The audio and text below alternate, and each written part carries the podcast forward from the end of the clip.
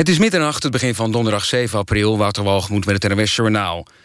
De uitslag van het Oekraïne-referendum is geldig... en de tegenstanders van het associatieverdrag met Oekraïne hebben gewonnen. Na het tellen van bijna 100% van de stemmen... stond de opkomst op ruim 32% Om het referendum geldig te verklaren... was een opkomstpercentage van minstens 30% nodig. Een ruime meerderheid van de stemmers is tegen het associatieverdrag... tussen de Europese Unie en Oekraïne. 61% op basis van de stemmen die zijn geteld. Ruim 38% is voor het verdrag. Een meerderheid in de Tweede Kamer vindt dat het verdrag met Oekraïne niet kan worden geratificeerd, nu het referendum inderdaad geldig is. Het kabinet kan de uitslag naast zich neerleggen, maar de PvdA zegt dat recht moet worden gedaan aan de nee-stem. Coalitiepartner VVD wil nog weinig kwijt over de consequenties. De PVV noemt het grote aantal nee-stemmers een motie van wantrouwen van het volk tegen de elite uit Brussel en Den Haag. D66 is teleurgesteld over het duidelijke nee van de kiezer... maar de partij vindt dat het kabinet de uitslag moet volgen... net als de meeste andere oppositiepartijen. Ook premier Rutte vindt dat de ratificatie van het verdrag... niet zonder meer kan doorgaan, nu de opkomstdrempel is gehaald. Rutte wil daar met allerlei instanties over praten... zoals de Europese Unie en de Tweede Kamer. Dat is volgens hem een proces van weken. De coalitiepartijen in IJsland hebben een nieuwe premier aangewezen... Sigurdur Johansson, de huidige minister van Landbouw en Visserij. De president van IJsland moet zijn benoeming nog wel goedkeuren. Johansson volgt Sigmundur Gunnlaugsson op... die gisteren opstapte omdat hij onder vuur kwam te liggen... vanwege onthullingen in de Panama Papers. Daaruit bleek dat Gunnlaugsson belangen had... in een aantal IJslandse banken die failliet gingen. Bij een grote brand in twee varkensstallen in Oorschot in Brabant... zijn zo'n 10.000 biggen omgekomen. De brand brak aan het begin van de avond uit. De twee varkensstallen waren volgens de brandweer niet meer te redden. Een derde stal en het woonhuis bij het bedrijf kon wel worden gespaard. Het weer vannacht valt er nog een enkele bui. Het wordt 4 tot 7 graden. Overdag ook buien, mogelijk met onweer, maar ook af en toe zon. Het is dan 9 tot 11 graden. Dit was het NWS Journaal. NPO Radio 1. VPRO. Nooit meer slapen.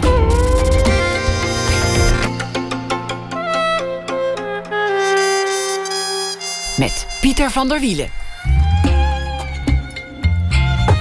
Goedenacht en welkom bij Nooit meer slapen. Straks na één uur gaan we het hebben over het 100-jarig jubileum van de Amsterdamse school. Meubels en gebouwen met een missie en gedachte. Glenn Hansard is hier te gast. Hij is Iers troubadour, singer-songwriter en zanger van The Frames. Hij zal zingen voor mij en voor u hier in de studio van zijn nieuwe EP. We beginnen met Caroline Roelands. Saoedi-Arabië, de revolutie die nog moet komen. Heet een boek dat maandag uit zou komen in een nieuwe editie. Geschreven samen met Paul Aarts. Saudi-Arabië, leverancier van olie, bondgenoot in het Midden-Oosten in de strijd tegen IS en decor van onvoorstelbare rijkdom. Maar ook een land waar je vrouw mag slaan en zij mag niet eens wegrijden. Waar de meeste kamers van, kapers van 9-11 vandaan kwamen. Waar vandaan radicaal-islamitische propaganda wordt gefinancierd. En waar de enkele betoger die tot nu toe zich op straat waagde... gemakkelijk 100 stokslagen kon krijgen. Of ontzettend lange gevangenisstraf. Caroline Roelands, geboren in 1948, schrijft voor NRC Handelsblad. Is deskundige van het Midden-Oosten en oud-correspondent. Schreef eerder boeken over Irak en de invasie van 2003 over de Arabische lente en over Iran. Hartelijk welkom. Goedemorgen alweer. Goedemorgen, ja. Dat is wel, dat is wel heel. Uh, ja, nou, voor, mij wel. Oké, nou voor, voor, mij is het uh, gewoon avond. Maar uh, je hebt gelijk. Goedemorgen. Je hebt de afgelopen dag doorgebracht in een stemkantoor. Uit, ja. ja, vandaar dat ik zeg, voor mij is het al een hele lange dag geweest. Want, hoe, laat, hoe laat moest je daar beginnen? Ik moest om half zeven zijn. En, en hoe laat kwam de eerste stemmer? Om half acht. Dus dat eerste uur zat je daar het maar? Het eerste uur moet je alles in orde brengen... en kijken welke deur open gaat en de deur open blijft... want het woei nogal hard. En of je eigenlijk wel genoeg jassen aan had... want het was buitengewoon koud. Ik heb het nu pas weer een beetje warm... na, na nou ja, ruim acht uur in, in, de, in de wind, zou ik maar zeggen. Uh, dus het eerste uur moet je alles op orde brengen... en dan is het wachten op de eerste kiezer... die inderdaad om één voor half acht binnenkwam. Maar hij moest wachten tot half acht, want anders werkt alles niet. Uh, en verder is het binnengedruppeld, zo'n beetje.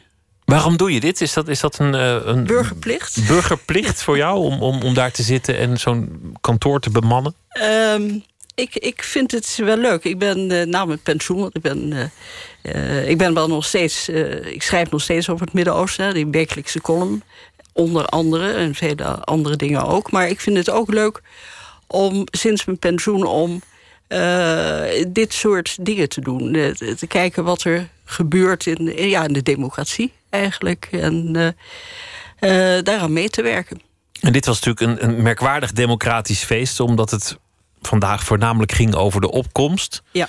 En dan heet het nu het volk heeft gesproken, terwijl een beetje muggensifter, en dat ben ik, zou zeggen nee, 62% van 32% heeft gesproken. De rest, dat weet je eigenlijk niet waarom ze thuis bleven. Ja, heel veel bleven thuis omdat ze dachten dat ze zo de uh, vereiste opkomst konden frustreren. Of omdat het regende, dat kan ook nog. Of omdat het regende. En, of omdat ze het helemaal niks zei. Of uh, omdat ze niet van een referendum houden. En, eh, ja, er zijn een heleboel redenen. Maar ja, de regels zeggen dat uh, die, die meerderheid van 32 procent... dat die gelijk heeft. Of gelijk heeft. Ik ben vandaag gaan stemmen. Ik dacht, het is een, toch een soort uh, burgermanszin om, om naar zo'n kantoor te gaan en daar op zo'n velletje te klodderen, heb ik dan maar gedaan. Voor we gaan praten over het Midden-Oosten en Saudi-Arabië, wil ik iets weten over jouw eigen loopbaan en hoe dat verlopen is. Jouw vader was drukker, als ik het goed heb begrepen. Ja. En hoe kwam jij zelf terecht in, in de wereld van de krant en de journalistiek? Um, nou ja, mijn vader deed dus in letters. En um, was verder, behalve dat hij die drukkerij had, die van alles drukte, onder andere tramkaartjes, daar was hij uh, beroemd om. Maar ook, gaf ook tijdschriften uit. Uh, uh, mijn vader heeft ook een tijd de Schiedamse Courant totdat een heel klein krantje uitgegeven. En was ook een fervent krantenlezer, de NRC en het Handelsblad, want dat was in die tijd nog apart. En ik ben dus uh, te midden van kranten opgegroeid, zou je kunnen zeggen. En uh, ik heb ook een jongere broer die ook journalist is, een andere broer die boekhandelaar is. Uh, vele van ons zijn in, in de letters ook terechtgekomen. Dus ik had altijd veel belangstelling voor politiek. Dat verlegde zich gaandeweg naar buitenlandse politiek en het Midden-Oosten. En het moest altijd de NRC zijn. Dat stond ook van het begin af aan vast. Um, dat lukte uiteindelijk niet, want uh, ik solliciteerde. Ik kwam wel ver, maar ik werd niet aangenomen. Dus, nou ja, oké, dan via een omweg naar de NRC. Dus ik ben toen begonnen bij het ANP, bij de redactie Buitenland, inderdaad. Een jaar en vervolgens een jaar Algemeen Dagblad, ook Buitenland. En toen zat ik al in hetzelfde gebouw als de NRC. En toen was het een kwestie van uh, één etage hoger of lager, dat weet ik eigenlijk niet meer. Hoger, denk ik. Uh, toen was Eén trap één, één halte met de lift. Ja. En, en de droom kwam uit om voor die krant te werken. Ja, ja. En die belangstelling voor het Midden-Oosten, wanneer is dat begonnen? Ja, dat is, dat is moeilijk te zeggen. Maar um, omdat het ook al heel lang geleden is. Maar uh, gaandeweg mijn studie. Mijn studie was geschiedenis. Ik moet er eerlijk bij zeggen dat ik niet ben afgestudeerd. Um, maar, uh, en, en ik moet er ook bij zeggen dat in die geschiedenisstudie helemaal geen Midden-Oosten werd behandeld. Behalve dan in de oude geschiedenis, de eindeloze dynastieën van Mede en Pers en Assyriërs en dergelijke, die je helaas allemaal uit je hoofd moest kennen, gedurende even voor je tentamen en verder nooit meer. Uh, maar ik denk al krantenlezend kwam ik toch bij het Midden-Oosten terecht. En het heeft er misschien mee te maken dat het, het Midden-Oosten is heel complex. Natuurlijk is Europa ook complex, maar je zit er middenin, dus het lijkt minder complex. En ik hou wel van puzzels. En dan niet zozeer puzzels, uh, uh, kruiswoordpuzzels, maar meer cryptogram. Kijken, kom ik eruit? Hè? En, en ook, ja, iedereen zegt wel dat het zo is, maar is het zo? dus echt het, het, het uitzoekwerk. En uh, nou ja, dat bood het Midden-Oosten mee. En als je eenmaal in zo'n gebied zit, dan wordt het naarmate je er langer mee bezighoudt, wordt het interessanter. Dus het is nu oneindig veel interessanter nog dan toen ik begon. Je hebt, je hebt, ook je kinderen uh, namen gegeven die gerelateerd zijn aan de geschiedenis van, van het Midden-Oosten. Ja. Maar dan, dan meer, meer oud, oud mythologische namen? Ja, niet allemaal mythologisch hoor. Uh, Midas uh, is zeker mythologisch. Maar toen we eenmaal met Midas waren begonnen... konden we ook niet meer verder terug naar Jan of Piet of Truus. Hè? Dat, uh, toen waren we veroordeeld tot uh, deze namen. Maar Zenobia bijvoorbeeld uh, is een echte koningin van Palmyra geweest. Een, een hele felle tante die het opnam tegen de Romeinen... en eerst haar man vermoordde. Um, maar we dachten, als, als zij het voorbeeld van de eerste Zenobia zou volgen, hoeft ze niet meer haar man te vermoorden. Tegenwoordig kan je echt scheiden. Um, maar in ieder geval een, een hele uh, doortastende dame, die helaas wel eindigde in gouden ketenen in, in Rome, maar toch heel van zich heeft doen spreken. In Palmyra. Hè? Dat is dat, uh, wat helaas nu uh, voor een groot deel verder is verwoest. Eerst door de Romeinen verwoest, maar nu de ruïnes zijn, zijn, de ruïnes zijn weer geruïneerd. Ja. Aan gruzelementen ja, geslagen. Door de islamitische staat. En zo ging het verder met uh, ging de namen van, van, uh, van ja. kinderen. Die hoeven we niet allemaal te behandelen.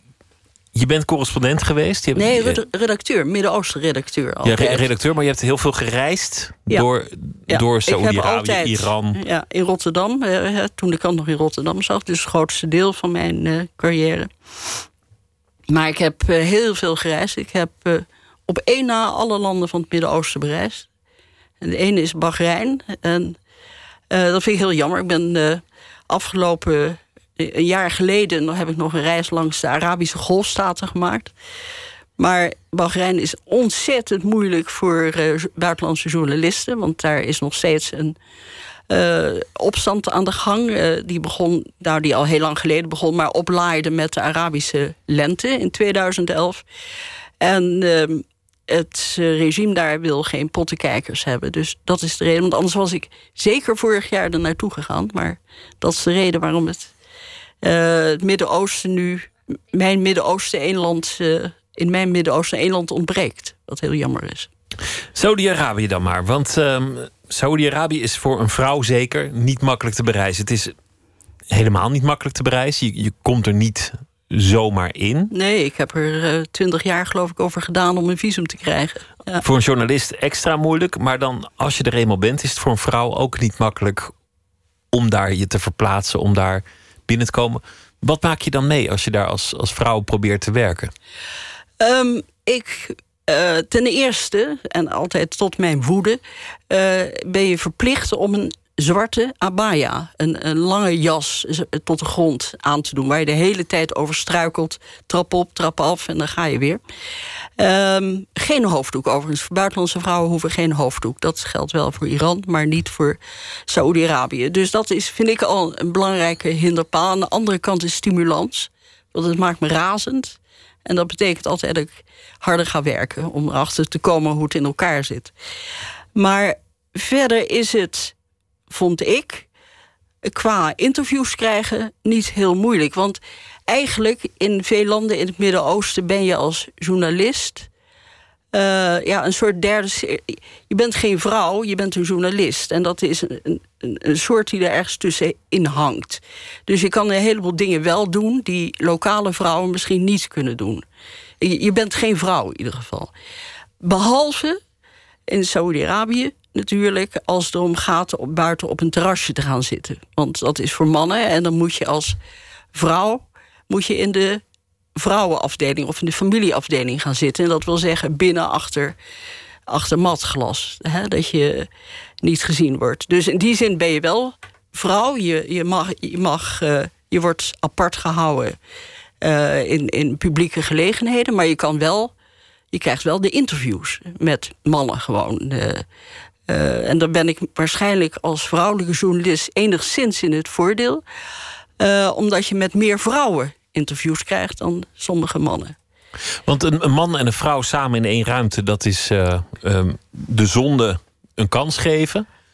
Ja, dat is in, in principe wel. Hè, dat, dat, is weer het verschil met Iran. Hè. Daar kan je, als je maar goed bent ingepakt... en dat ingepakt zijn is tegenwoordig ook een stuk makkelijker geworden... dan kan je overal wel verkeren in ruimtes met mannen. In Saoedi-Arabië ligt dat een stuk lastiger... Hoewel je dan meteen kan tegenwerpen dat in uh, shoppingmalls wel degelijk uh, vrouwen en mannen door elkaar rennen. Um, maar het, uh, dat ik als vrouwelijke journalist is, wordt daar toch in zekere zin een uitzondering voor gemaakt. Want uh, ik ben toch op uh, vele plaatsen geweest waar je als vrouw niet hoorde te zijn. Maar waar wel, ik wel kon komen, mits in mijn abaya natuurlijk. Uh, en, dus goed ingepakt. En hoe goed ben je dan ingepakt? Wat, wat is er dan nog, nog, nog zichtbaar van. van nou, alleen mijn hoofd zou je kunnen zeggen. Je hebt een, een zwarte jas tot de grond, lange mouwen. En ehm, dus, dus een, een wijde jas. Dan moet alles, alles onder. Ik heb alleen altijd rode schoenen aan om mijn woede over deze vermomming uh, kenbaar te maken. Want, je, want het maakt je nog steeds kwaad dat je daar uh, ja, ik, ik, ja, het niet volwaardig bent. Ja, ja, dat je gedwongen wordt om, om uh, dingen aan te doen die ik helemaal niet aan wil doen. En je, het is ook heel vervreemdend. Hè? Dus al die vrouwen in in, uh, buiten die allemaal in het zwart rondlopen. Dus inderdaad, in, in winkelcentra lopen mannen en vrouwen door elkaar heen. De mannen voornamelijk in het wit, hè? behalve buitenlanders. En de vrouwen allemaal in het zwart. Dus je bent allemaal een soort zwarte schimmen. En, en het ont, ontpersoonlijkt. Je, je bent... Uh, je hebt veel minder persoonlijkheid op de een of andere manier als je zo ernaar kijkt een deel van, van de kudde geworden. Je houdt van de puzzel van het Midden-Oosten. Laten we dan Saoedi-Arabië onder de loep nemen. Want eh, het is natuurlijk een merkwaardige constructie. Een, een decor van handelsmissies en staatsbezoeken. Een trouwe bondgenoot van de Verenigde Staten. De voornaamste vijand van islamitische staat. Tegelijk een autocratisch regime dat zelf voor een belangrijk deel op strenge orthodoxe religie leunt om in het zadel te blijven. Ja. Het is de, de grootste vijand van IS. Tegelijk lijken ze ook in veel opzichten op elkaar. Hier beginnen al de paradoxen. De kapers van 9-11 kwamen voor een heel groot deel uit Saoedi-Arabië. Toch is het bondgenootschap met de Verenigde Staten er alleen maar hechter op geworden sindsdien, lijkt het. Ja, ja. Ja, 15 van de 19 kapers waren Saoediërs. Um, en de voornaamste beraber was Saoediër. Of had in ieder geval het, uh, het gemunt... Osama Bin Laden. Ja. Ja, kwam oorsprong, ja, zijn familie oorspronkelijk uit Jemen... maar uh, was verhuisd naar uh, Saudi-Arabië. En het, was, het is een hele belangrijke ondernemersfamilie. het is constructie, enorm constructiebedrijf. Um, ja, nou, de, inmiddels is de relatie tussen Saudi-Arabië en Amerika niet meer zo hecht. Hè, onder Obama zou je kunnen zeggen, is, is uh, de relatie een stuk lastiger geworden, met name de laatste tijd. Omdat Obama wat hechter tot Iran is gekomen? Uh, door het, door het, uh, het, akkoord, het nucleaire akkoord met Iran. Hè? En Iran is de grote vijand van Saoedi-Arabië. Shiiten in Iran, de strikte Soenieten in Saoedi-Arabië. En allebei claimen ze dat zij de islamitische waarheid in pacht hebben. Dat zij de echte islamitische leider zijn. En uh, allebei regionale mogendheden. Dus uh, een hoop reden tot conflict. Nou, en dan. Uh, als ik even terugga naar, naar je vraag over de relatie tussen Amerika en Saoedi-Arabië. Die was buitengewoon goed na de uh, na de val van de Shah. Hè, 1979 valt de Shah. Shah was, heel lang geleden maar toch, de politieagent in de golf namens de Verenigde Staten. Maar toen kreeg je Khomeini aan de macht. Natuurlijk voor de westerse wereld een hele enge man. Baard, zwarte jurk, uh, zwarte tulband. En ook die claim van uh, de islam komt eraan. Nou, dan zie je dat de relatie tussen het Westen en met name ook Amerika en Saoedi-Arabië steeds nauwer wordt. Heel belangrijk op basis van de olie natuurlijk. Een heel belangrijk olieland. Uh, nou, en de olie is, hebben we nodig, is onze benzine heel letterlijk van, van de westerse machine. Dus uh, logisch. Bovendien afzetgebied voor Saoedi-Arabië voor enorme hoeveelheden wapens. Dus goede reden voor een, een hele mooie relatie. Maar niet een relatie, zou ik zeggen, op basis van begrip en, en warmte en vriendschap. Maar een, relatie op basis van economie. Hè? Afzet van wapens en te kopen van olie. En machtspolitiek. En, en machtspolitiek, ja. 1979 is dan het grote keerpunt. De Shah wordt verdreven en uh, het nieuwe regime installeert zich in Iran.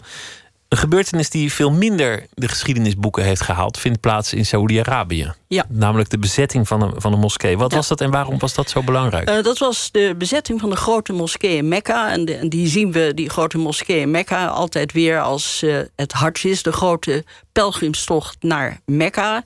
Elk jaar 2 miljoen moslims. En dan zien wij ook hier wel beelden van een heleboel moslims in Mekka bij die moskee. Die daar allemaal rondjes draaien rondom de Kaaba. Die zwarte uh, kubus. Die in 1979 wordt dan die moskee wordt bestormd en bezet. Uh, door hele fanatieke moslims. Die uh, zeggen dat ze uh, de, de macht die bij zich hebben. Dat is een soort messias. Die is op aarde gekomen. omdat het helemaal mis is daar in, in Saoedi-Arabië. Zij veroordelen de monarchie, want die is hypocriet. En um, in ieder geval, alles is er mis mee. En zij eisen dat Saoedi-Arabië orde op zaken stelt. Alle uitwassen van, van rijkdom en hypocrisie en, en feestjes... en nou ja, alles wat er zo aan de orde zou kunnen zijn en was en is... Uh, dat dat zou worden geschrapt, gezuiverd... en dat het een heel veel strikter islamitisch land zou worden dan het tot dan, tot 79 was. Nou, die uh, bezetting van die moskee die loopt heel bloedig af. Uh, die, uh, die worden eruit geslagen met hulp van de Franse politie overigens. Want het was heel lastig voor de Saoedi's om ze eruit te krijgen. Ze zaten... er zijn heel veel Saoedische militairen ook gesneuveld daar bij hun pogingen om die mensen weer weg te krijgen. Nou, iedereen is eruit geslagen, gearresteerd, onthoofd. En vervolgens heeft het Saoedische leiderschap, uh, de monarchie, heeft inderdaad eigenlijk hun eisen uitgevoerd. Het land is uh, gezuiverd van wat de bezetters van de, van de moskee hypocrisie noemden. En dat is dan kunst, entertainment, Enter sport. Entertainment, uh, vrouwen en mannen door elkaar. Want wij denken wel van het is altijd zo geweest, die strikte scheiding van mannen en vrouwen. Maar voor 79 was het lang niet zo strikt. Ik, heb, ik begon met te zeggen, want ik mag niet sorry, op een terrasje samen met mannen zitten. En dan word ik meteen door een zenuwachtige Indiër die, het, uh, uh, die de Starbucks uitbaat, word ik weggejaagd. Maar dat was voor 79 kon dat wel. Die, er was niet een hele strikte religieuze politie die elke keer in de gaten hield of jij wel een, een hoofddoek, tussen Saoediërs wel een hoofddoek, een liefst gezichtssluier.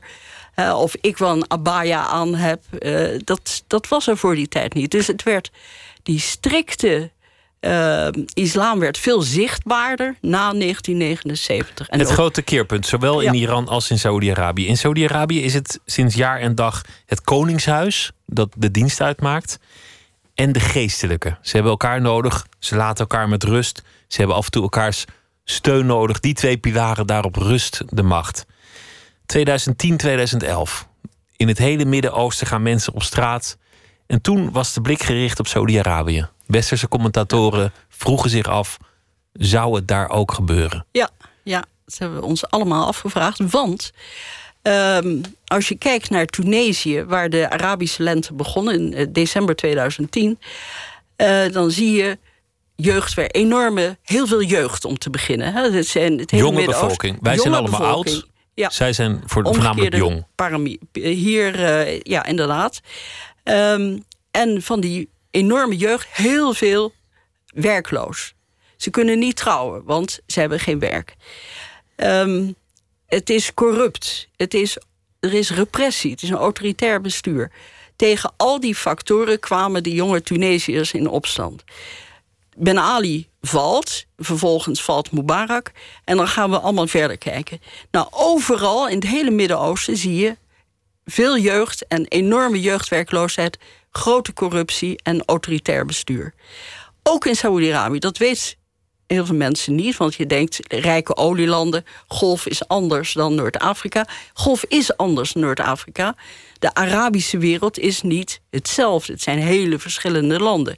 Maar de problemen zijn hetzelfde. Dus waarom zou eigenlijk in Saoedi-Arabië geen opstand kunnen komen? Geen Arabische lente? Ehm, er waren ook voorzetten, digitale Er waren voorzetten. Oproepen. Je ziet ja, op, op Facebook, uh, Dag van Woede, et cetera. En, maar wat daar toen gebeurde was... de koning trok miljarden uit. Meteen in februari, een, de eerste 16 miljard geloof ik... Uh, voor programma's om jeugd... Uh, werkloosheidsprogramma's, woningbouw. Want er was ook een groot tekort aan woningen voor starters, zou ik maar zeggen. Um, uh, voor onderwijs. Er werden studenten kregen een extra bonus. Dus in dat jaar is 130 miljard dollar uitgetrokken om de bevolking rustig te houden. De revolutie is afgekocht. Die is afgekocht. je zei net, het bondgenootschap noemde je tussen de geestelijkheid en het koningshuis. Dat is een heel oud bondgenootschap uit de 18e eeuw. Ibn Wahab geestelijke en Ibn Sa en, en de eerste, een van de eerste Sauds samen, de koning, die afspreken. Uh, Wahab, de geestelijke, is verantwoordelijk voor de religie, voor het religieuze leven. En is verantwoordelijk voor het bestuur. Het Wahhabisme. Het Wahhabisme. En Vergelijkbaar met wat hier in, in de middeleeuwen in Europa de twee zwaarden weer werd genoemd: de paus en de koning. Ja, ja. En dat bondgenootschap in Saoedi-Arabië bestaat nog steeds. Dat is helemaal hetzelfde gebleven. Men steunt elkaar. En wat gebeurde er dus in 2011 inmiddels? De grootmoefti zegt... Uh, demonstreren is uit een boze. Dat leidt maar tot fitna, tot tweedracht. Dat is heel erg, mag niet. Nou, Saoedi-Arabië is een heel conservatief land. Uh, je ziet wel, als je, naar, als je er bent... dan oogt het alsof het voor, voor een deel alsof het het Westen is. Hè?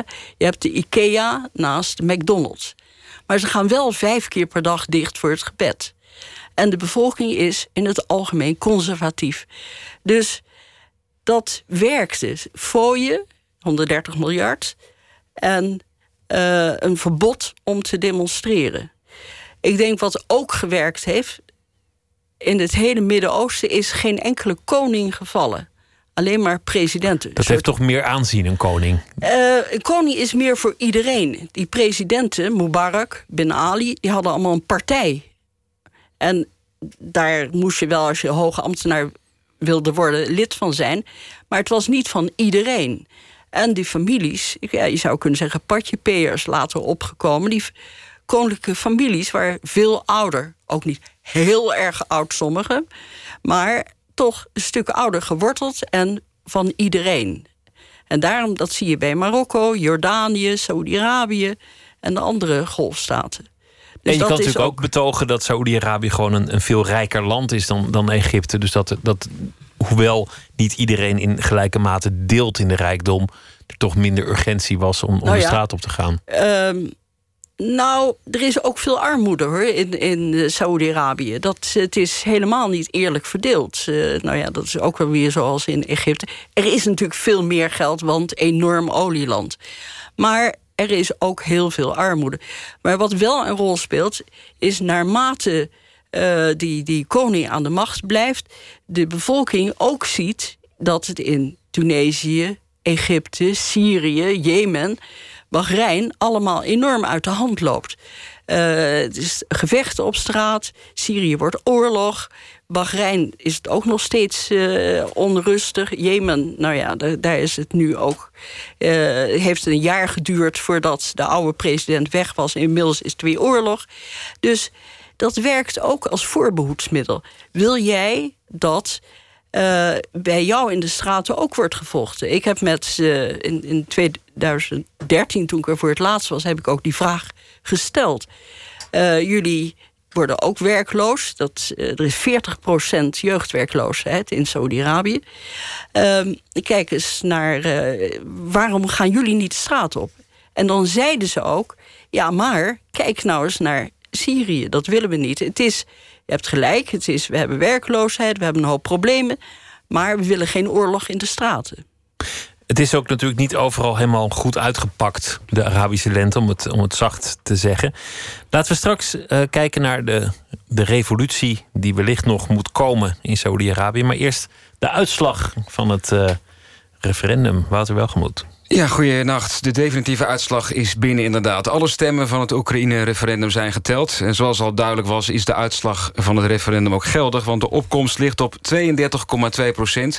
En die opkomst moest minstens 30 procent zijn voor een geldig referendum.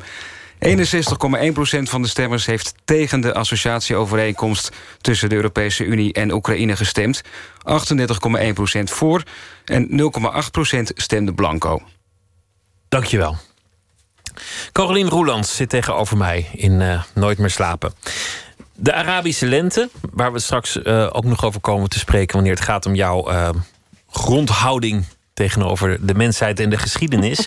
die heeft in Saoedi-Arabië niet doorgezet. Nu is natuurlijk de goede, grote vraag, hoe gaat het verder? Dat koningshuis wil blijven zitten. Daar zijn opvolgingskwesties ja. aan de hand.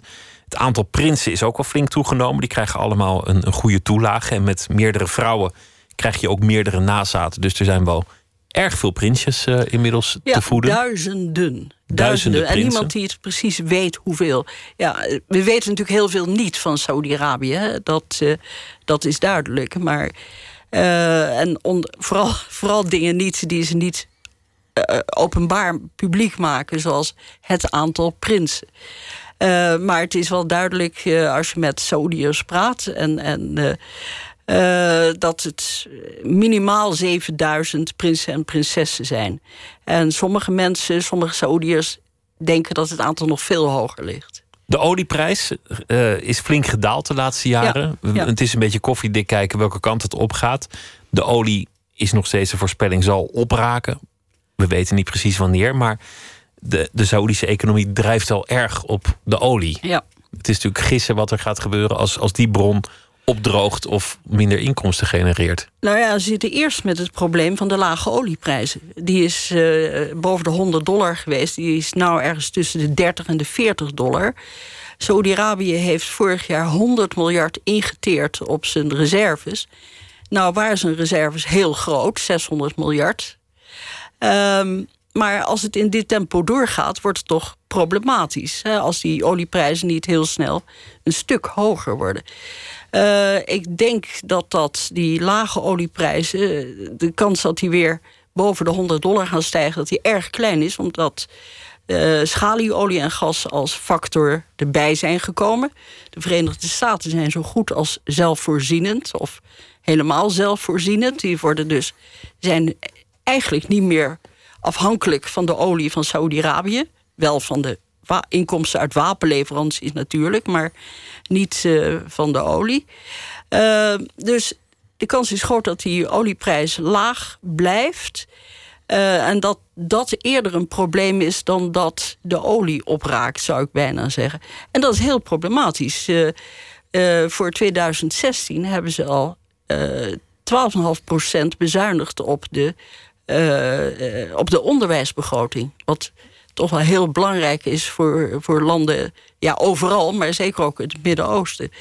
Uh, ze hebben zelfs voor, dit, voor het komend jaar bezuinigd op de defensiebegroting. En uh, nou is de vraag of die bezuiniging echt doorgaat, want ze hebben nogal wat uitgaven aan oorlog op het ogenblik. Maar dat zegt al heel veel.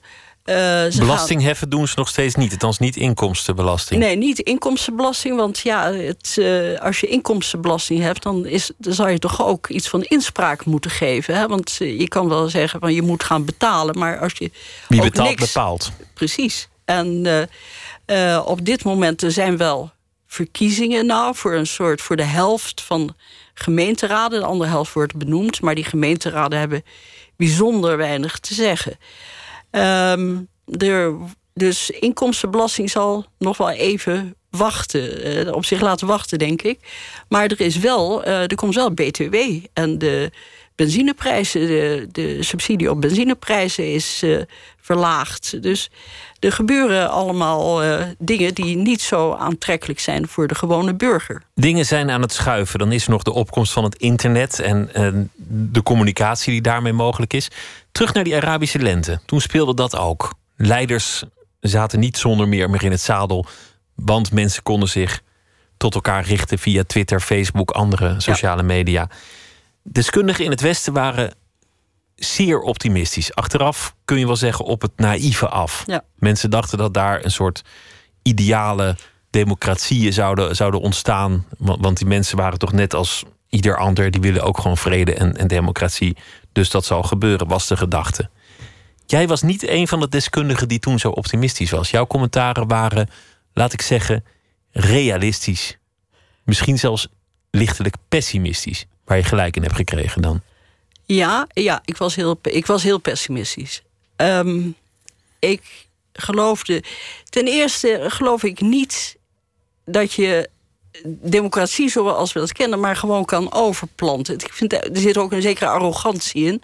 Van wat wij hebben is goed, ook goed voor jullie. Dat, uh, Als het hier werkt, zal het daar ook wel werken. Zo, ja, zoiets. En, en uh, jullie moeten doen zoals wij het voorschrijven. De omstandigheden zijn totaal anders.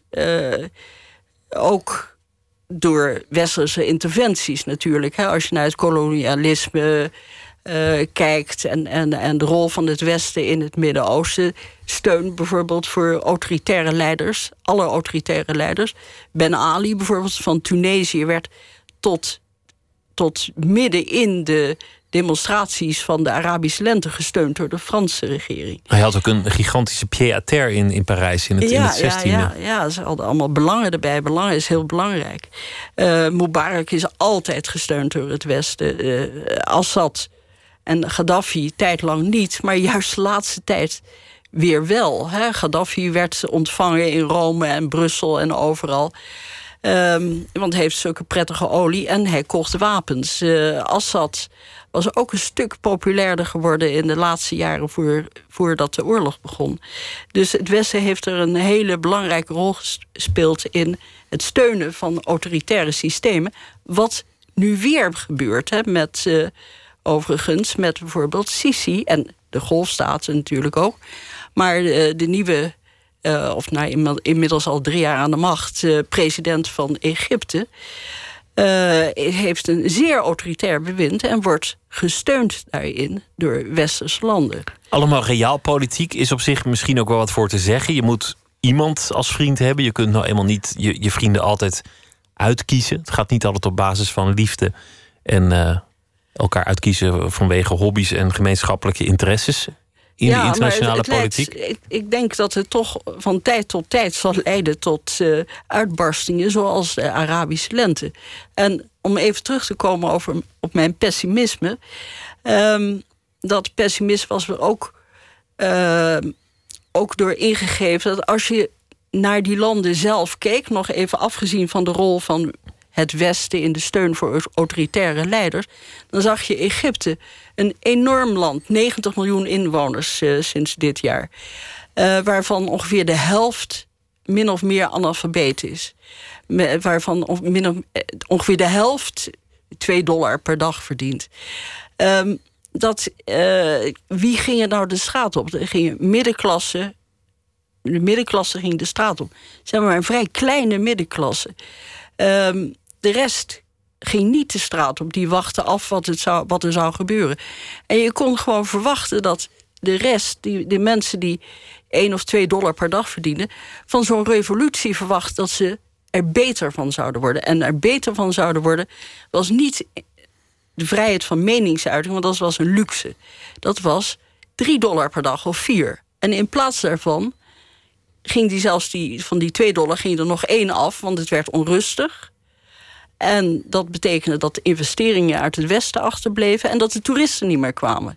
En heel veel Egyptenaren waren afhankelijk, zijn afhankelijk van het toerisme. Kortom, het is dus, er daar op achteruit gegaan en niet op vooruit gegaan. Terug en dan naar krijg zo... je een, een, heel slecht bewind, van, van uh, de, gekozen bewind, maar een bewind van uh, de moslimbroederschap, die alleen maar keek naar versterking van zijn machtspositie en niet naar de economie. En dan zie je op een gegeven moment in 2013 zie je enorme demonstraties, nog veel groter dan van de Arabische lente, gewoon tien keer zo groot. Die vroegen of het leger wilde ingrijpen. Dat, en dan eh, is het toch uiteindelijk weer de, de, de zweep die regeert. Saudi-Arabië, het is, het is moeilijk te bepalen welke kant het op zou gaan. Wint de moderniteit of wint de religie? En dan vooral de, de orthodoxe religie. Ja, het is altijd wint een mix hè, ervan. Het is niet het een of het ander. En... Is het niet zo zwart-wit uiteindelijk van de moderniteit versus de orthodoxen? Nee, want orthodoxen kunnen ook heel modern zijn. Die zitten ook, uh, de orthodoxen zitten ook op Twitter en Facebook. Hè. De, de conservatiefste. Ja, er zijn ook conservatieve geestelijken die er niks van moeten hebben. Die het een werktuig van de duivel vinden, Twitter of, of Facebook. Maar er, zitten hele belangrijke geestelijken zitten allemaal op Twitter. Hoor. En uh, die hebben miljoenen, miljoenen volgers. Het wordt vaak verbeeld in, in, in de pers. En dat is ook wel begrijpelijk gezien de terreur en de, en de beelden van IS. Alsof er iets aan het ontstaan is dat zich ook tegen het Westen aan het keren is. Hoe kijk jij daar tegenaan? Um, nou, als je kijkt naar IS, dat, het heeft een, de ideologie van, van de Islamitische Staat heeft natuurlijk een, een nauwe verwantschap met de ideologie, de religieuze ideologie van Saoedi-Arabië. Um, alleen hij is als het ware geperverteerd. Uh, in het extreme getrokken? Uh, absoluut in, in, in gewelddadige extremisme getrokken. Want uh, hoewel natuurlijk Saudi-Arabië ook de doodstraf krijgt, kent met het zwaard. Er zijn nog dit jaar alweer een tientallen ter dood veroordeelden onthoofd. Um, gaat er wel een proces aan vooraf. En, en je kan het niet vergelijken met de manier waarop uh, de Islamitische staat tekeer gaat op dat terrein. En laten we wel wezen, de Islamitische staat uh, verspreidt het op video. De Saoediërs verbergen dat. Je mag absoluut geen onthoofdingen op de foto of op video zetten. Het ehm, er is, er is een, een, een uh, ja, het is een geperverteerde versie van de Saoedische islam. Maar die Saoedische islam is natuurlijk wel heel intolerant. En uh, naar andere godsdiensten toe en, en andere uh, ideologieën toe. Dat, dat is zeker waar. Maar de vraag die je stelt eigenlijk is...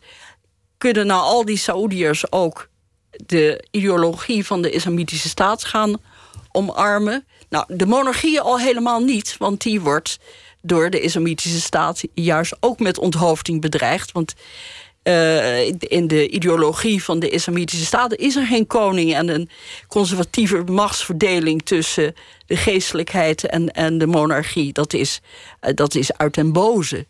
Um, dus dat, dat moet al helemaal, helemaal weg. Um, maar heel veel uh, Saoedi's, wat ik al zei, zijn wel conservatief, maar ook heel modern. En, en die moeten helemaal niks hebben van uh, de manier waarop de islamitische staat tekeer gaat. Dus dat denk je.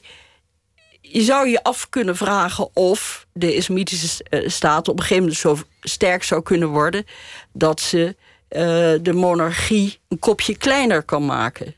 dus in de aanval gaan. Dat lijkt me op dit moment zeker niet. Hoewel de islamitische staat wel degelijk aanhang, een minderheid, heeft binnen Saoedi-Arabië. Maar waar het dus eigenlijk op neerkomt, is dat het Koningshuis het moeilijker zal krijgen. Dat lijkt me een veilige voorspelling. Ja. En compromissen moet sluiten, of in ieder geval. Maar niet alleen naar... moeilijker door die islamitische staat. Dat is één van de bedreigingen. Een andere bedreiging is natuurlijk de, gewoon de sociaal-economische bedreiging van werkloosheid, geen, niet kunnen trouwen, en geen de jonge huis, bevolking. Uh, jonge bevolking. Het, dat is een andere bedreiging. Er is ook nog de bedreiging van machtsstrijd binnen de monarchie. Uh, 7000 uh, prinsen en prinsessen. Nou, die prinsessen die schrappen we allemaal weg. Die zijn niet interessant. Uh, lang niet alle prinsen willen koning worden. Of willen minister worden. Of kroonprins of wat dan ook. Maar er zijn er toch wel een heleboel die dat ook willen. Dus je ziet ook wel tekenen dat er bijvoorbeeld onvrede is over die jonge, relatief heel jonge zoon van de koning, prins Mohammed bin Salman, die zo enorm machtig is geworden in een jaar tijd. wat vinden zijn oudere broers daarvan? Heeft er een heleboel. Wat vinden de zoons van de vorige koning, Abdullah, die allemaal zijn ontslagen. Wat vinden die daarvan? dus dat is ook een mogelijkheid. Er zijn veel gevaren voor de stabiliteit in dit land dat zo'n sleutelrol speelt in, in de geschiedenis van het Midden-Oosten op dit moment. Carolien Roelands, dank je wel. Het boek heet Saoedi-Arabië. De revolutie die nog, moet, komen. moet, komen. En het leuke is dat ik vandaag hoorde dat de Engelse uitgave hiervan, die afgelopen november is uitgekomen, dat hij ook in uh, paperback uitkomt. En dat wil zeggen dat hij uh, goed verkocht is in uh, Engelstalige landen. En nog goedkoper wordt. Dankjewel, Caroline Roelands. Graag gedaan. Nooit meer slapen.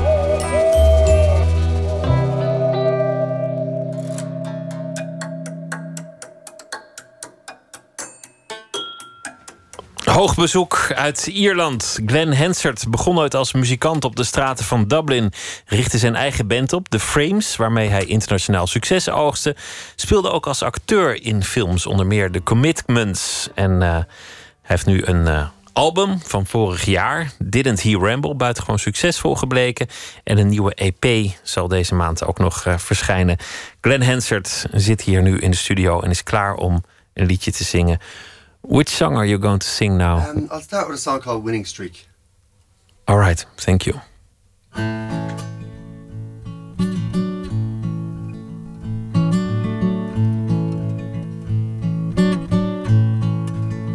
Through summer's long and winter's cold, may you always have someone good to hold, and may good fortune wait on every bed.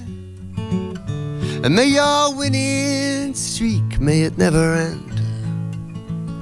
So roll the dice, boy, cause my money's on you.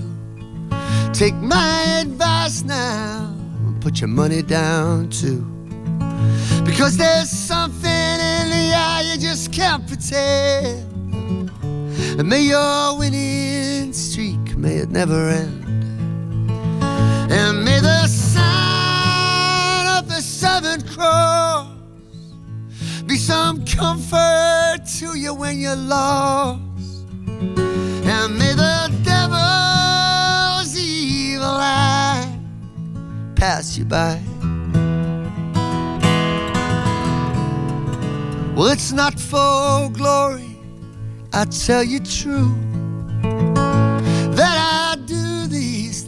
that I do for you. But for a promise I made, now I must defend. And may your winning streak, may it never end.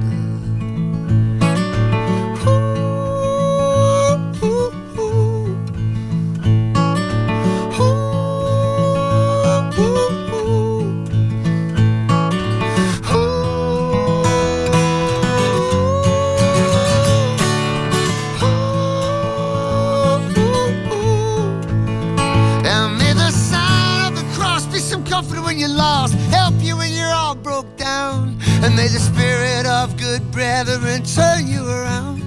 And may the devil's evil eye pass you right by. Don't you look back, my friend. And may the sisters of good charity take you in through summer's long and winter's cold. May you always have someone good to hold. And may good fortune be a constant and a loyal friend.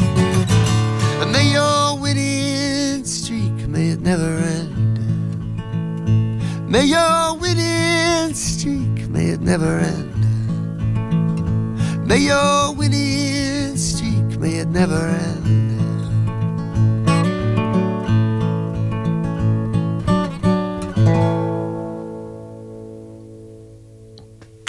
Glenn Hansard hier in de studio. Zijn uh, album heet Didn't He Ramble. En een EP met uh, nog een aantal liedjes is deze maand uh, verschenen. Sit down, please, Glenn. Nice to have you here on the show. I'm honored to have you here. Thanks very much. Tell me about your guitar, because it looks like you've played it a lot. Or didn't did someone else play it and did you buy it from someone who played a lot on it? No, I bought it new. I bought it new when when I was uh, I was in 90, 1992. I was involved in a film called The Commitments, and uh, it paid us a little bit of money, and uh, it, it, afforded me the opportunity to buy some gear from my band. I just started the Frames at the time, and uh, I, we bought some amplifiers and drums, and we rented out a rehearsal room for a few months, and I bought myself a, a good a good guitar, and that was my my good guitar.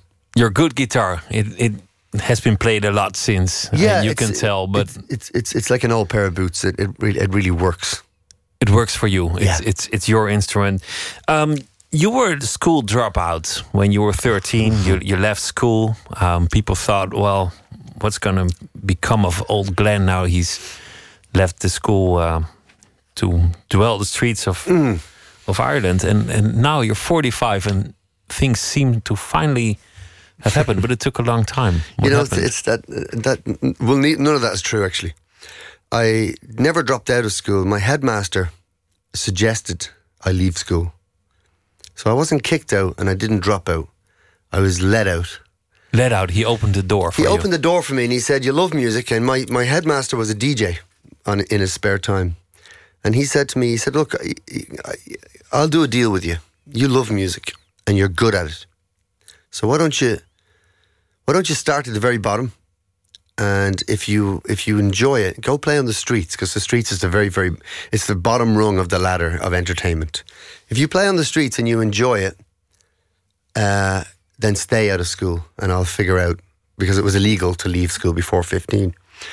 And if you don't enjoy it, please come back after about six months, and I'll get you back into the school.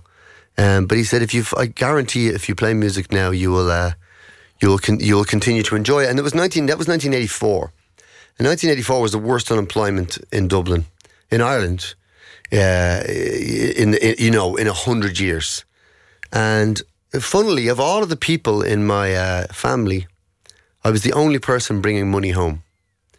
So Money that you earn playing and singing I earned it to people street. that pass you by on the yeah. street.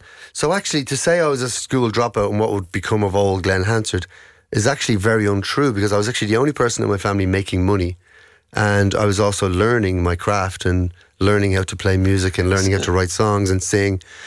And So this now- headmaster, he he really he really helped, helped me. you. He really helped me. He- and it's funny, I have a concert.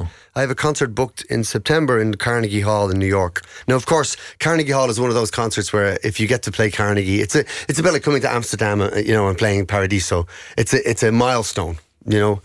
And so I called him last week and I invited him to come along to the concert. And so I'm going to um, I'm going to pay his flight and pay his hotels and and and, and it's As a my thank you, as a way of saying- way of saying thank you for having a bit of faith in me. Who were the artists that you looked at and listened to when you were starting out? What what did you listen to at home or Well, I pretty did you first much. play? I mean, my mother. I'm, I was lucky. My mother was one of these housewives that cleaned the house incessantly. You know, she, her, that was her neurosis, cleanliness, and so she had one of those record players in the corner, and she was always hoovering, and she would always play the records louder than the Hoover. So I'd hear these records at a really good volume as a child. And it was, you know, it was Tammy Wynette. It was like, stand by your man. Wah. You know, it was stuff like D I V O or C. These songs, these great songs, you know, Simon Garfunkel, Leonard Cohen. She loved Leonard. She loved Dylan. And so I was exposed to really good music, but my mother's collection was very limited. But when I got into when I got into Dylan very young, he was the one that I sort of, I suppose, obsessed on. And then very quickly after that, it was Leonard Cohen. And really, to be honest, I didn't really look much further than those two. They were kind of all I needed. And of course, as I got older, my tastes broadened into Joni Mitchell and it broadened into Van Morrison and it broadened into into the other stuff that was like and I'd always you know I'd grown up on Bowie and I'd grown up on on ACDC and all these things that that had come out of my generation if you like. But really the the big music was were, were the you know the, the holy trinity uh, if you like was Van Dylan and Cohen. And and really I suppose I did I didn't really look beyond those guys. And you opened up with the frames for Bob Dylan Mm-hmm. on, on his tour. How, how was to be so close to someone who was your big hero when you were young? Well, it was incredible. I mean, I met him. I met him by accident on the on the street, I- and I was rehearsing in the in the building next to him, um, and it just pure fortune. He happened to be out having a cigarette in a during a break in his own rehearsal, and he stuck his head into our our window, and uh, he he stuck his head in and he said, "It sounds good," and uh, and and I got to talk to him, and and and I, and I said to him, I said, "Meeting meeting you, Bob, is what it must have been like when you met Woody." It was the only thing I could think to say to him, and I think I might have said the right thing because we started speaking if about he Woody. would have met Woody Guthrie. Yeah, He, he did meet Woody, but he never got Woody never sang for him. He never actually got to hear Woody sing. But he talked. We talked about Woody Guthrie for maybe ten minutes outside this rehearsal room in Dublin, and I was twenty one years old, and I was so so excited. And he invited us to go the next day to London with him, and to sing to play one concert. We went and we played one concert, and then he called us about two weeks later. His manager called us about two weeks later to play with him in Belfast, and then we played with him in Liverpool and uh, and it, and it continued. And then we went to Australia with him a few years ago, and so we've kind of kept. And Dylan's people and Dylan himself, he was so happy when when when we won the won the Academy Award. He got in touch to say, "Man, I've known you a long time." Because he would have. It's funny that I would have met him. It's funny that I I consider, you know, of course, anyone who meets Bob Dylan considers I met Bob Dylan when, but Dylan said I met you when you were only starting out, and actually, it's been really interesting. That's an amazing uh, moment. Please get your guitar Yeah. because I'm almost I almost forgot that you were here to sing songs. Please, yeah, I'm here to talk too. yeah. What are you gonna sing?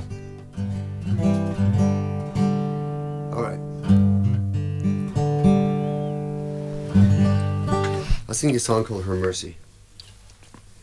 And I wrote this song for, uh, I wrote this song after reading Leonard Cohen's biography, I'm Your Man, by Sylvie Simmons.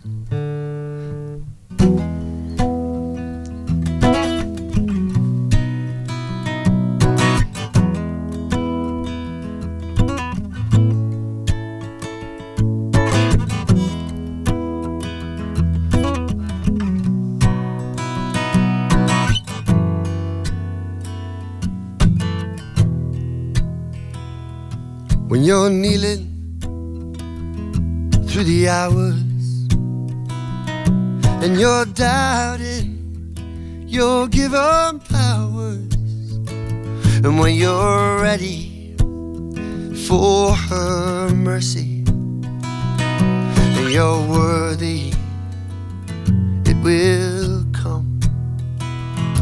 When you're sneaking round the back door and she's waiting for you no more. And when you're ready for her mercy, and you're worthy, it will come. When the birds are just tuning up still, and the dawn breaks on your windowsill. And when you're ready for her mercy, and you're worthy, it will will come when you're broken, when your heart is finally open, when you're down down and troubled when you're lost among the rubble. Well, there's sugar on the old spoon.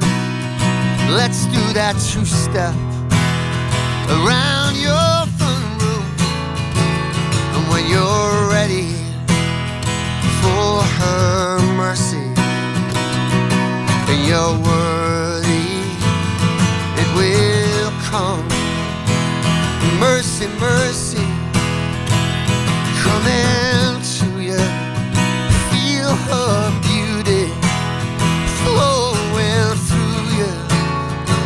She will unbind you, set the word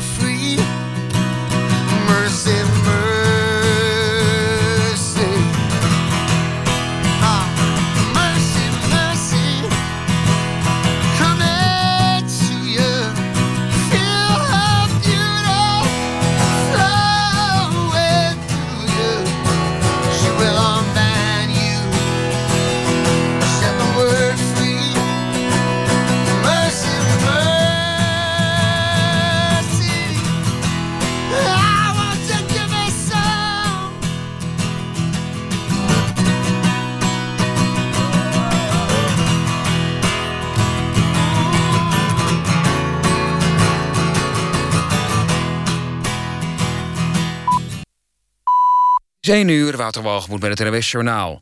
De uitslag van het Oekraïne-referendum is geldig... en de tegenstanders van het associatieverdrag met Oekraïne hebben gewonnen. Nu alle tellen zijn gestemd, blijkt dat de opkomst op 32,2 procent ligt. Om het referendum geldig te verklaren... was een opkomst van minstens 30 procent nodig.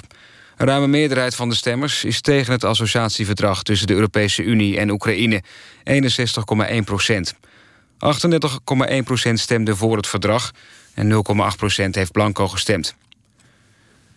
Een meerderheid in de Tweede Kamer vindt dat het verdrag met Oekraïne niet kan worden geratificeerd, nu het referendum geldig is. Het kabinet kan de uitslag naast zich neerleggen, maar een Kamermeerderheid is daar dus tegen. Ook premier Rutte vindt dat de ratificatie van het verdrag nu niet zonder meer door kan gaan. Rutte wil daar met allerlei instanties over praten, zoals de Tweede Kamer en de Europese Unie. Dat is volgens hem een proces van weken. Initiatiefnemer van het referendum Jan Roos is blij met de tegenstem van Nederland... maar is er nog niet van overtuigd dat het kabinet gehoor geeft aan de uitslag. Hij verwees naar een referendum in 2005... waarbij Nederland nee zei tegen het verdrag van Lissabon... maar waar de politiek zich volgens Roos niet van aantrok. Volgens Roos moet de uitslag duidelijke gevolgen hebben voor het verdrag... omdat dit niet goed is voor Oekraïne, de Europese Unie... en zeker niet goed voor Nederland. De man die vorige week een vlucht van Egypt Air kaapte... wordt door Cyprus uitgeleverd aan Egypte. Toestel was onderweg van Alexandrië naar Cairo... toen de 59-jarige Egyptenaar de piloot dwong te landen op Cyprus. Hij had een bomgordel om, maar die bleek later nep. Uiteindelijk werd de kaper opgepakt. Hij wilde in contact komen met zijn ex-vrouw op Cyprus. Bij een grote brand in twee varkensstallen in Oorschot in Brabant... zijn zo'n 10.000 biggen omgekomen. De twee varkensstallen waren volgens de brandweer niet meer te redden. Bij de brand zou veel asbest zijn vrijgekomen. Het weer vannacht valt er nog een enkele bui en wordt het 4 tot 7 graden. Overdag buien, mogelijk met onweer, maar ook af en toe zon. Het is dan 9 tot 11 graden. Dit was het NWS Journaal. NPO Radio 1. VPRO. Nooit meer slapen.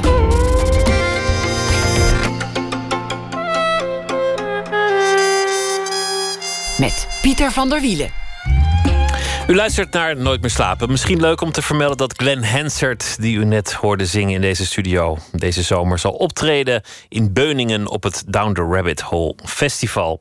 Zijn laatste album heet Didn't He Ramble en deze maand verschijnt ook nog een EP van hem. Straks gaan we het hebben over eh, de klarinet met klarinetist David Kweksilber. Naar aanleiding van het eerste Nederlandse klarinetfestival in Amsterdam. Jan Rothuizen komt op bezoek, bekend van zijn uh, plattegronden en tekeningen. Hij heeft een uh, bijzonder project in Shenzhen in China. We beginnen met Robert Weelage, die deze week elke nacht een verhaal zal maken.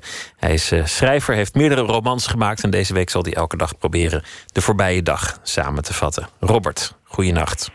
Goeienacht, hoi. Vertel eens over de voorbije dag. Uh, nou, mag ik allereerst zeggen wat een mooie uitzending ik, ik het vond eigenlijk, gisteren over Wim. Uh, het uh, in memoriam van onze collega Wim Brans. Dank je wel. Ja. ja, ik vond een heel mooi, heel mooi portret dat er ontstond. zijn bevlogenheid en passie, maar ook ja, wat er achter schuil ging, zijn, zijn onrust. Dat was ja, een beetje nieuw voor mij eigenlijk, dat dat erachter zat. We hadden de uitzending liever niet gemaakt, maar uh, zo uh, heb je het niet altijd voor het zeggen. En uh, we hebben ons er doorheen moeten, moeten worstelen, moet ik wel zeggen. Het was, het was echt zwaar om. We moesten allemaal af en toe even op de, op de wang bijten om het te doen. Maar ik denk dat het goed is om hem te hebben kunnen gedenken. Het was, het was heel snel en vers. Ja, ik begrijp het. Ja. Waar gaat je verhaal vandaag over? ja, het stemmen, toch wel. Het referendum. Het referendum. Ja, daar gaat het over. Goed, ga je gang. Ja. Vandaag was het dan zover. Ik mocht gaan stemmen voor het referendum. Brave burger als ik ben, ben ik ook echt gaan stemmen. Ik was onderdeel van de ongeveer 30,8% in Utrecht die kwam opdraven. In het stemhokje vouwde ik het A4'tje open. Bent u voor of tegen het verdrag, was de vraag die mij gesteld werd. Ik kreeg twee mogelijkheden aangeboden, voor tegen. Daar begon het probleem al. De vraagstelling is verkeerd. Deze burger is namelijk niet voor of tegen. Hij miste een derde mogelijkheid, namelijk blanco. Bent u voor of tegen of blanco? Dat zou een volledige vraag geweest zijn. U zat het ook alweer, vroeg ik me plotseling af. Als je blanco wilt stemmen, moet je dan gewoon niks aanvinken? Of is het biljet dan ongeldig? Moet ik er voor de zekerheid met potlood blanco bij schrijven? Op het biljet stond hierover geen uitleg. Ik vond het onduidelijk en voelde me door de overheid niet serieus genomen. Een mens heeft het recht om zich ergens niet in te mengen, om geen mening te hebben, om terzijde te blijven. Omdat hij vindt dat hij niet genoeg van het onderwerp weet, omdat hij niet genoeg van het onderwerp kan weten. Daar hebben we een overheid voor om zich grondig in te lezen. Ik weet dat het in onze Twitter-tijdgeest in de mode is om zonder terughoudendheid over alles een zwart-wit mening te hebben. Je bent ergens voor of tegen. Maar ik twijfelde. En mijn moeder heeft me geleerd bij twijfel niet doen. Zo stond ik met het rode potlood over het A4'tje gebogen. Uiteindelijk heb ik toch maar blanco opgeschreven voor de zekerheid. Want als je niks opschrijft of zwijgt, word je toch al snel verkeerd begrepen. Over eh, de keuze wat te stemmen voor, tegen of zoals de meerderheid heeft gedaan, thuis blijven. Robert Weelagen, dankjewel. Goeienacht. En graag uh, tot morgen. Biblio, een project van een uh, Britse producer, Stephen Wilkinson, die akoestische gitaren met elektronica door elkaar weeft. Van Biblio's nieuwe album A Mineral Love draaien we Petals.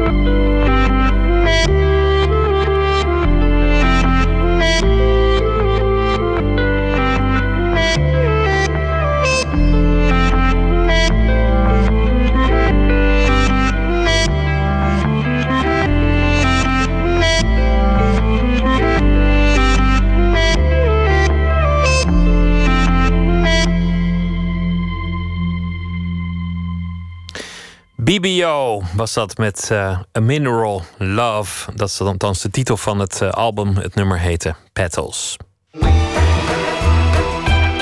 Nooit meer slapen.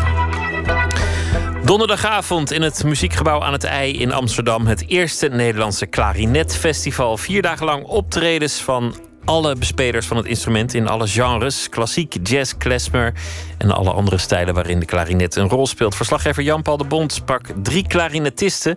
die komend weekend zullen spelen over wat hun instrument eigenlijk betekent in de popmuziek.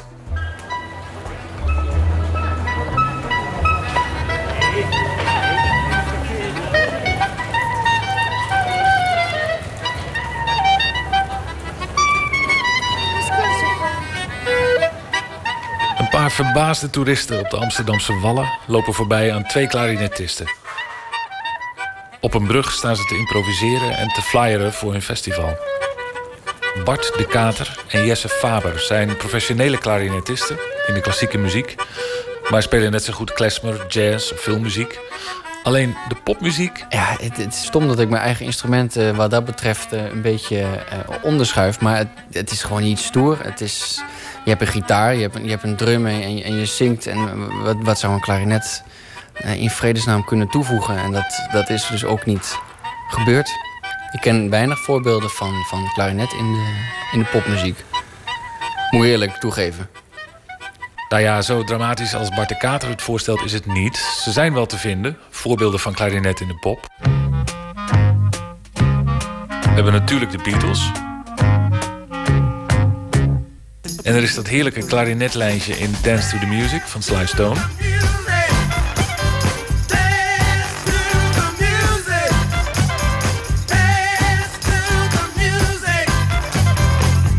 En zelfs het Duitse Rammstein, dat een soort industriële metal maakt, heeft zich aan de klarinet gewaagd.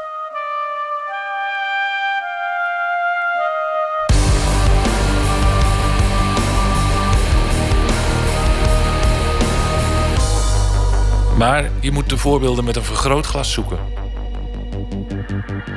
Klarinet die duikt vaak op als er een beetje eh, poging wordt gedaan tot kruisbestuiving. Dus bij eh, crossover-achtige eh, dingen, denk ik vaak. Ja. Of, of een beetje nostalgie. Ja, nostalgie. Klarinet is eh, van, van oudsher eigenlijk best wel een nostalgisch instrument. Dus ik denk dat, dat, dat inderdaad dat gevoel van nostalgie... dat in de, in de popmuziek mensen daar ook wel op eh, teruggrijpen... als ze naar een, eh, een, een klarinet gebruiken, inderdaad. Maar wat ik me afvraag, want dat is een associatie. Maar los daarvan is het natuurlijk gewoon een bepaalde klank, een bepaald timbre. Wat het instrument eigen is. En waarom hoor ik dat zelden terug in de hip-hop bijvoorbeeld? Daarbinnen wordt muziek gemaakt met veel traditionelere instrumenten dan alleen de elektronica. Maar kennelijk worden jullie daar minder voor gevraagd. Ja, ik denk, klarinet is eigenlijk van oudsher veel minder een, een studio-instrument. Iets wat je in de studio inspeelt. Want bij popmuziek is inderdaad heel vaak een, eh, een strijkje wat eronder zit. En die spelen dan mooie akkoordjes erbij. Of inderdaad, saxofoon zit ook veel meer in de pop eigenlijk. Hè? In een beetje een vieze saxofoon erbij. Dat geeft ook een beetje eh, kleur. Misschien is de klarinet gewoon qua kleur en qua geluid een beetje te... Ja, te rond voor, dit, voor, voor, voor popmuziek. Dat het, dat het in, die, in die zin nog niet zo heel veel gebruikt is. Want hoe zou jij het, het karakter van het instrument, van de toon omschrijven? Wat voor rol speelt hij? Nou ja, ik zou zeggen, als je bijvoorbeeld moet kiezen tussen of een mannelijk of een vrouwelijk instrument is, dan, is het eh, zeker weten een vrouwelijk instrument. Een heel elegant. Maar dat is dan meer vanuit de klassieke hoek bekeken. Want inderdaad, als je bijvoorbeeld klezmer muziek beluistert, daar is hij juist wel weer heel schreeuwerig. Maar die veelzijdigheid wil eigenlijk ook zeggen dat je veel breder inzetbaar bent. Stel dat jij zelf een liedje hebt geschreven en je bent het aan het arrangeren en je overweegt van, nou ja, goed, ik kan die en die plek bewaar ik dan voor een klarinet. Wat is dan die plek? Die plek is toch het mooie, eh, de mooie melodie in een liedje, denk ik. Als, toch, als je toch even iets van eh, emotie in je nummer zoekt, zeg maar, een mooi emotioneel of intiem moment, dan zou ik de klarinet eh, zeker weten tevoorschijn halen, als ik het in die context zou zien.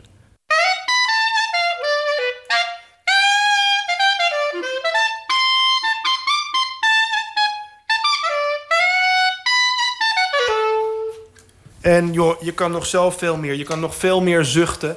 En je kan nog veel eh, ronder. En dan ga je lekker rietjes zoeken. Dus het is een ontzettend rijk instrument.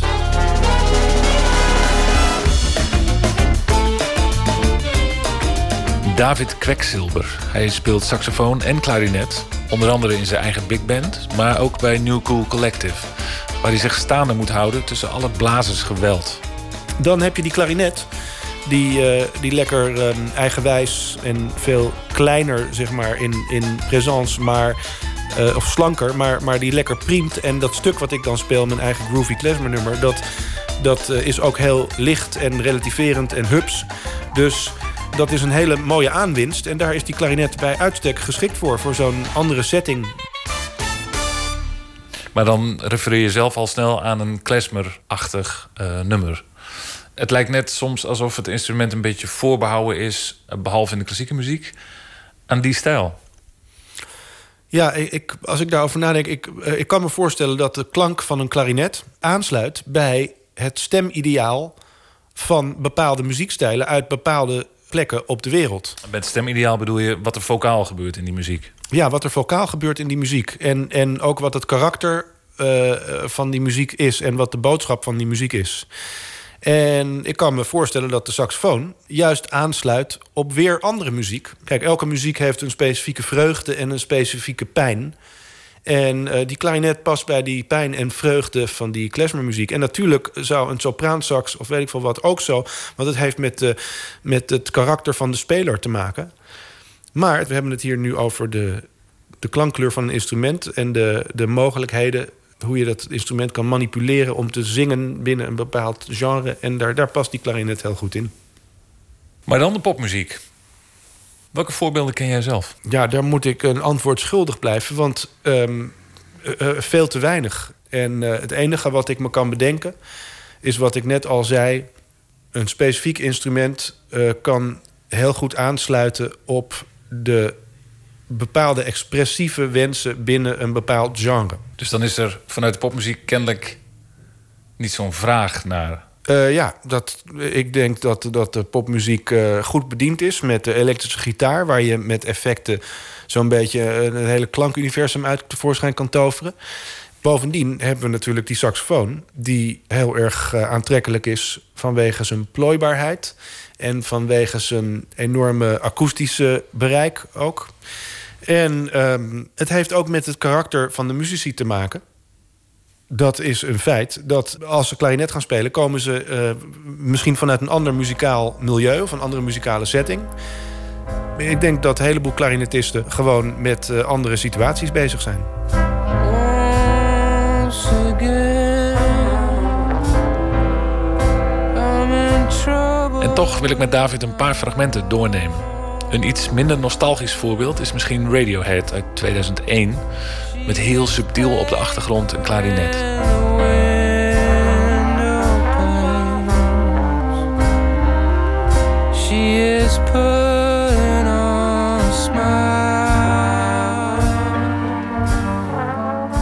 Waarom hebben zij hiervoor gekozen, denk je? Nou, die klarinet neemt nu ook akoestisch een mooie eigen plek in, zonder dat hij te veel in de weg zit. Dat is heel aantrekkelijk. En dan kan je toch eh, die instrumentale rijkheid hebben, zonder dat je eh, meteen eh, het hele spectrum eh, claimt. Want doet een klarinet dat snel? Eist hij veel ruimte op? Nee, nee, nee, juist niet. Hij, hij neemt een eigen plekje in. En dat neemt niet per se heel veel ruimte. Ik, ik denk, als ik aan saxofoon denk... dan denk ik toch al aan, aan meer ruimte... hoewel je daar ook een heel slank geluid op kan maken. Maar ehm, in dit geval is het mooi. Die zanger is bezig. En die, die toeters daar op de achtergrond die nemen een eigen plek in. Maar ook dit is weer een duidelijke jazzachtige situatie. Waar die blazers gewoon lekker bluesy aan het, aan het mijmeren zijn. En ehm, daar lenen die toeters zich gewoon goed voor. Maar opnieuw bedoel je niet een, een voorbeeld van een standaard eh, popliedje? Nee, ik vind dit... Nee, als je toch... Ik bedoel, wat is, wat is nou echt popmuziek? Zonder nostalgische invloeden, maar gewoon pure popnummers. En dan... Ja, ik... Misschien dit.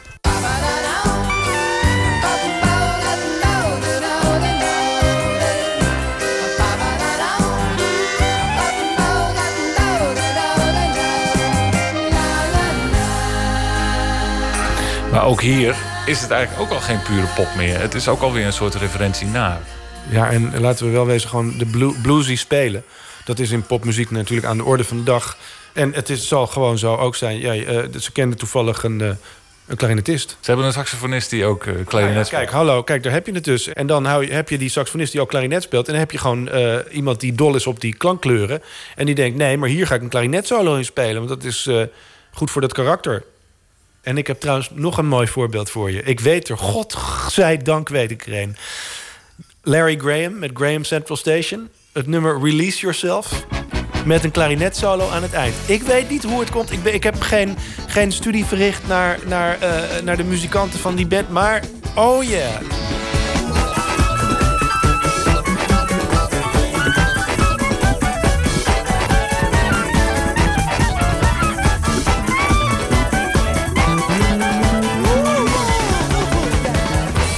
Maar zouden we kunnen concluderen dat als je die klarinet in de popmuziek gaat zoeken, dat je heel snel of bij een referentie aan klassiek of eh, nostalgie terechtkomt, of in de meer de zwarte kant van de popmuziek. Ja, nee, ja.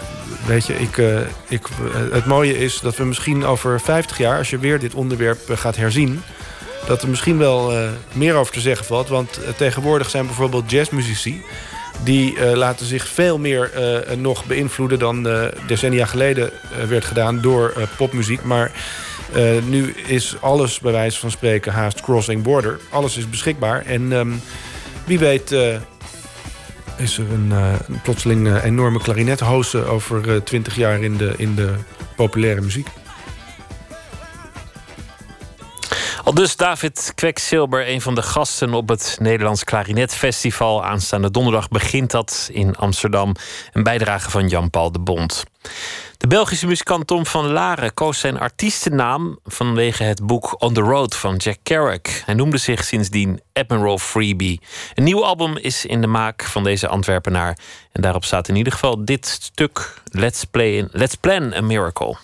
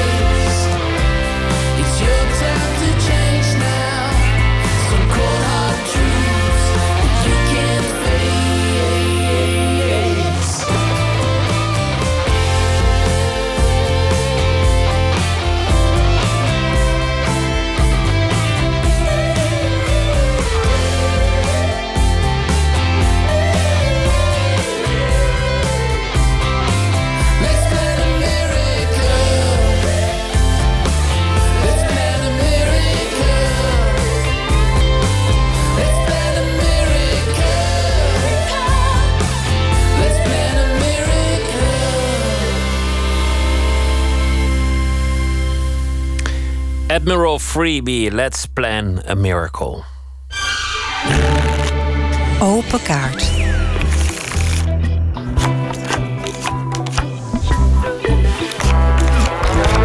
Voor mij staat een bak met kaarten. Op elke kaart staat een vraag. En zo zal het gesprek verlopen. Doordat de gast zelf een eh, kaart met een vraag erop zal trekken. De willekeur regeert, kortom. Jan Rothuizen zit hier, bekend van zijn eh, tekeningen, zijn plattegronden moet ik zeggen. Zijn infographics zou je het ook kunnen noemen. Als ik ze goed zou kunnen omschrijven, dan zou u meteen weten over welke plattegronden ik het heb. Het zijn een beetje illustratieve plattegronden van situaties. Het kan van alles zijn, de stad Amsterdam of de, de kamer van zijn werkster. Welke plek dan ook. En hij probeert iets uit te leggen, iets te schetsen aan de hand van zo'n tekening. Jan Rothuizen, welkom.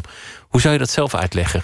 Ja, ik ben ook. eh, ik, ik weet het ook niet zo goed hoe ik het moet uitleggen. Het is een, het is een getekend verhaal, maar het is ook een geschreven tekening. Hè. De, de tekst doet heel veel. Dus het is die combinatie van, van iets aangeven in een paar lijntjes met een tekstje erbij. Dat, dat zet het aan, als het ware. Maar ik heb, ik heb er nog niet, niet een goede term voor. Geen goed woord. Nee.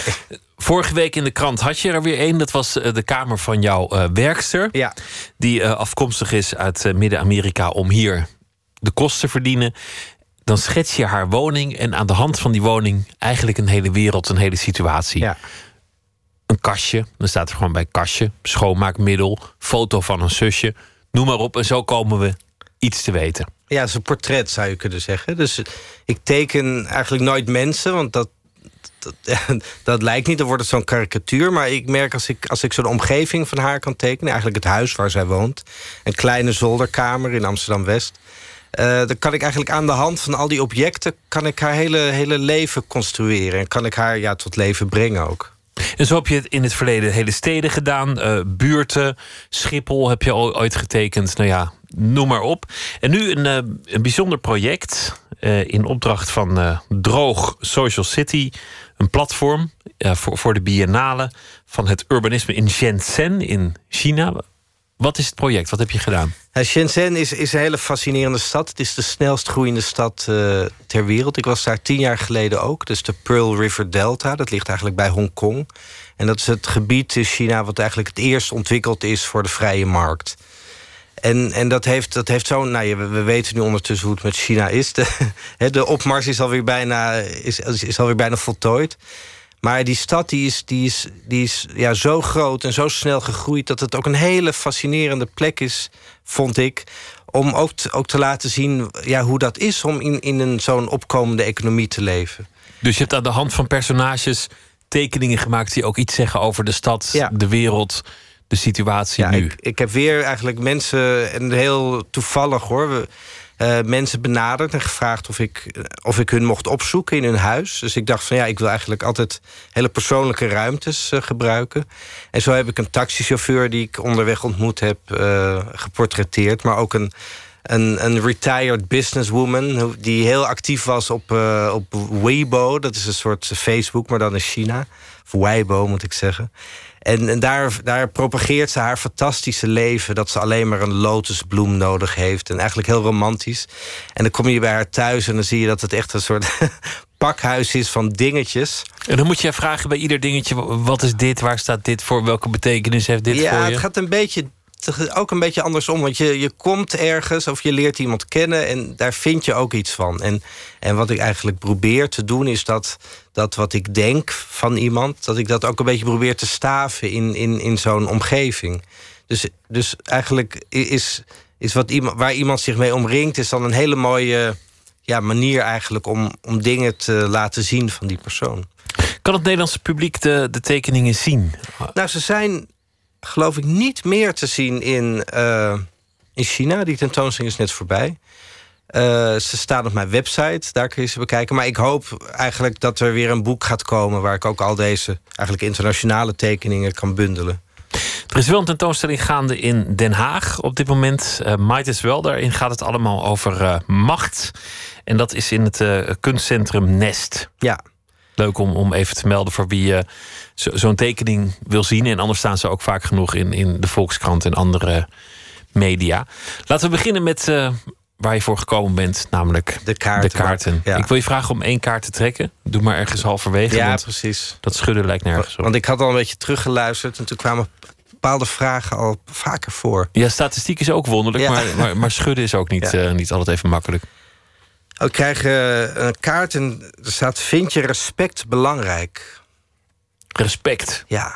Nou, ik krijg meteen kriebels ervan eigenlijk. Dat, Dus ik dat was- woord is zo vaak eh, gebruikt en misbruikt misbruikt... ook, ja. Dat, dat het een soort respectinflatie En is ik geweest. vind ook, denk ik, als je, als je erom moet vragen... dat het dan eigenlijk al niet helemaal klopt meer. Om respect? Ja, als, als iemand zegt, ja, je moet respect tonen... dan, dan is er dus al iets mis eigenlijk. Ja, ik word een beetje... Ik, nee, ik vind respect... En als iemand zegt met Nou, alle je- respect... dan weet je ook dat er iets heel denigrerends komt. Ja. Dus ik vind het een heel vervelend woord. Slaan we die lekker Ja. over. Neem nog een kaart. Met alle respect.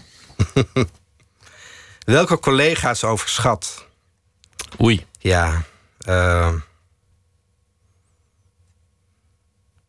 Dat is moeilijk, hè? Ja, vind ik wel moeilijk. Want ik zit, zit aan denken heel dichtbij. eh, eh, vrienden, hè, waar ik mee ben opgegroeid, die ook kunstenaar zijn. Dus dat zijn eigenlijk hè, vriendjes van vroeger, die, waar je een beetje mee opgroeit. En waar je dan altijd wel een soort venijn voor had. Of als iemand succes had, dat je dacht: oh, dat, dat wil ik ook. Of dat had je dan niet. Maar wat ik eigenlijk. het is een beetje flauw, maar ik vind eigenlijk. Naarmate ik eh, wat ouder word, vind ik eigenlijk iedereen die dingen maakt en kunstenaar is en dingen doet. Dus mijn collega's. Heb ik eigenlijk meer, steeds meer respect voor. Maar er zijn natuurlijk wel mensen die onvoorstelbaar veel succes hebben in jouw vak. En die, die altijd alle lof en prijzen krijgen.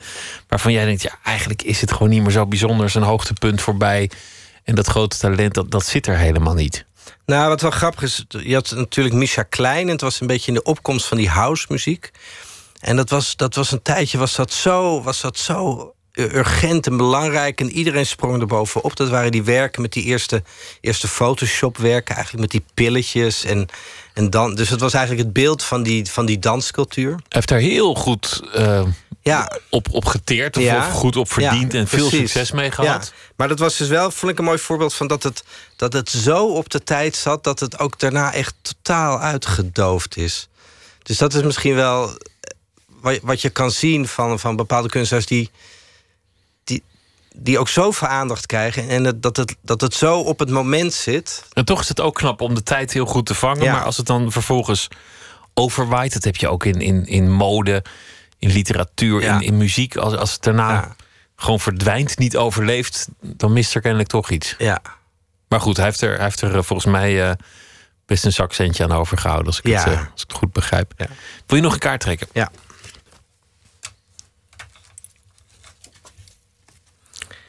Is je carrière gelopen zoals je had gedacht? Eh,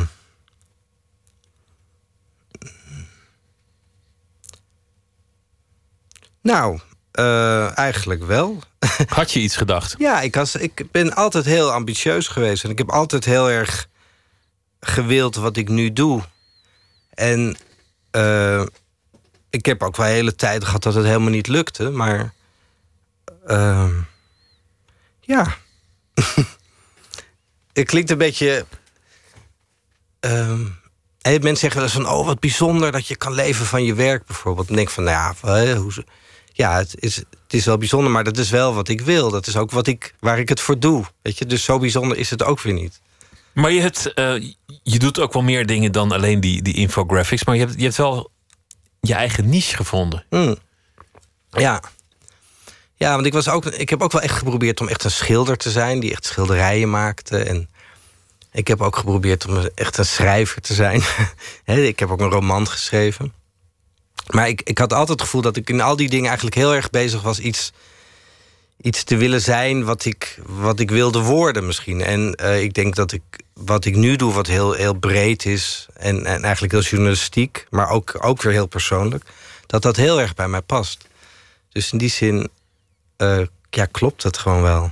Dat kon je niet vermoeden van tevoren. Dus, dus op de vraag is het gelopen zoals je had gewild? nee, maar ik heb wel altijd, wel altijd vertrouwen gehad dat dat, dat dat wel... Nou, niet altijd. Maar ja, wel, want anders had ik misschien wel wat anders... de- ja, had ik, ja, was ik iets anders gaan doen. Ja. Laten we er nog een eh, bekijken. Wat wil je absoluut nog maken? Ja, heel veel. Ja, zijn er dingen waar je, waar je zo'n. eh, om, om maar bij deze landkaarten te blijven. Is er een plattegrond die je absoluut nog zou willen tekenen? Een plek waar je nog een keer naar binnen zou willen. Het Witte Huis of zo, kan ik me Ja, Witte voorstellen. Huis is wel, is wel zo'n plek inderdaad. De Oval, Oval Office, wat eigenlijk heel vaak is nagebouwd. En, en wat wel mooi van het Witte Huis is ook... dat het zo'n plek is die in iedereen zijn verbeelding bestaat. Terwijl, je, terwijl eigenlijk niemand daar is geweest. Dus dat, dat zijn wel hele mooie plekken inderdaad om, om in kaart te brengen. Hè? Om, om, om daar doorheen te lopen en, en, en te laten zien hoe het er echt is. Of je daaruit binnenkomt, ik denk dat meer mensen dat willen. Dat is natuurlijk echt een Ja. felbegeerde plek. Maar het zou natuurlijk prachtig zijn Ja. om het centrum van de wereldmacht, een kamer Ja. die symbool staat voor, voor de besluiten die, die ons leven ook mede bepalen. Ja, en dan op zoek naar de slijtplekken en wat zijn. En, en je, er zijn altijd sporen te vinden. En de microfoontjes, want alles wat daar besproken wordt, werd in ieder geval de tijd van Nixon opgenomen, maar Ja. volgens mij nog steeds. Ja. Zullen we nog een proberen?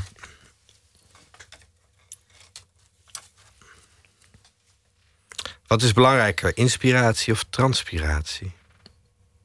Eh, Wat is transpiratie? Is dat. Ja, een goed idee of gewoon buffelen, is denk ik de, Ah, ja. de achterliggende vraag. Ehm, nou, ik denk dat het wel de combinatie is. Ik geloof niet zo dat, het, eh, ik, dat ideeën vanzelf komen. Dus die moet je wel aanjagen ook. Ideeën komen terwijl je aan het werk bent, niet terwijl Ja, je en, voor ook, je en ook door het, door het aan te gaan en het op te zoeken. Dus ik geloof niet dat je. Ja. Maar hoe doe jij dat? Actief zoeken naar, naar ideeën? Nou, het is heel wisselend. Dus, het- dus zoals dat verhaal van, die, van mijn werkster, die komt dan uit Colombia. Daar kom ik achter. En ik ben nu eh, een serie tekeningen aan het maken in Bogota. Dus in Colombia. Eh, dus, dus dan kom je eigenlijk. Ja, kom je eigenlijk bij lijntjes. En dan is het. Dan, dan is zo'n verhaal opeens heel dichtbij. En dan kan ik het gewoon vertellen. Dus, maar ik, word ook, ik krijg tips van mensen. Maar ik heb ook mijn eigen nieuwsgierigheid en interesses. Ik kan, ik kan er niet helemaal vat op krijgen waar het hem, waar het hem precies in zit. Voorlopig ben je in ieder geval nog niet, niet uitgeput. Dit, concept is nog, nog heel lang inzetbaar en op heel veel manieren. En het blijft ook zichzelf ontwikkelen. De, de, de eerste kaarten waren toch heel anders dan wat je nu aan het doen Ja. bent. Jij bent nu ook dingen aan VR aan het maken, dus hè, voor, voor zo'n bril. Dus waardoor je eigenlijk veel meer in een tekening zit. Dus daar Ja, waar dat jij... het helemaal om je heen is Ja. en, en misschien dus ook daar, waar jij geluid kijkt. en geur. Ja, en, nou, geluid is heel belangrijk. Dus dat je ook... Hè, nu laat ik wel mensen aan het woord, ook in mijn tekeningen. In aanhalingstekens, maar... Ik vind het wel heel mooi om iemand- zijn stem te kunnen horen ook... terwijl je in die ruimte bent. Ik ben heel benieuwd hoe dat eruit gaat eh, zien. Jan Rothuizen, dank je wel. En eh, heel veel succes met alles wat je gaat eh, doen. Dank je wel. Christchurch, Nieuw-Zeeland. Daar vandaan komt Marlon Williams. En hij is een singer-songwriter. Een beetje tussen Hank Williams en Roy Orbison in zou je hem kunnen plaatsen. Het eerste album van hem heet Strange Things. En zo heet ook het nummer.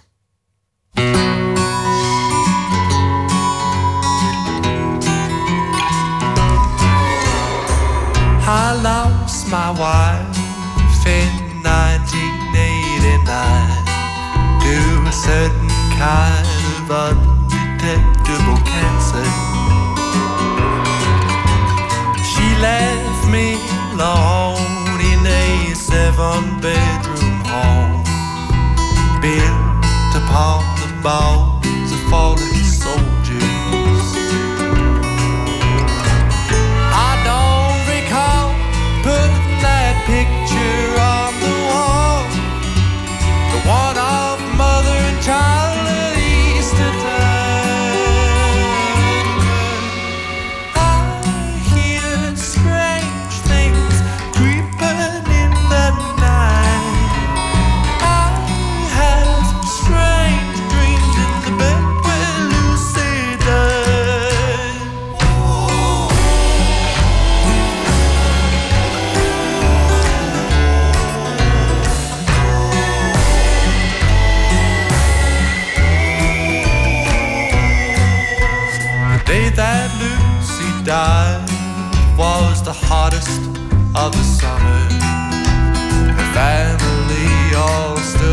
Around her sweating.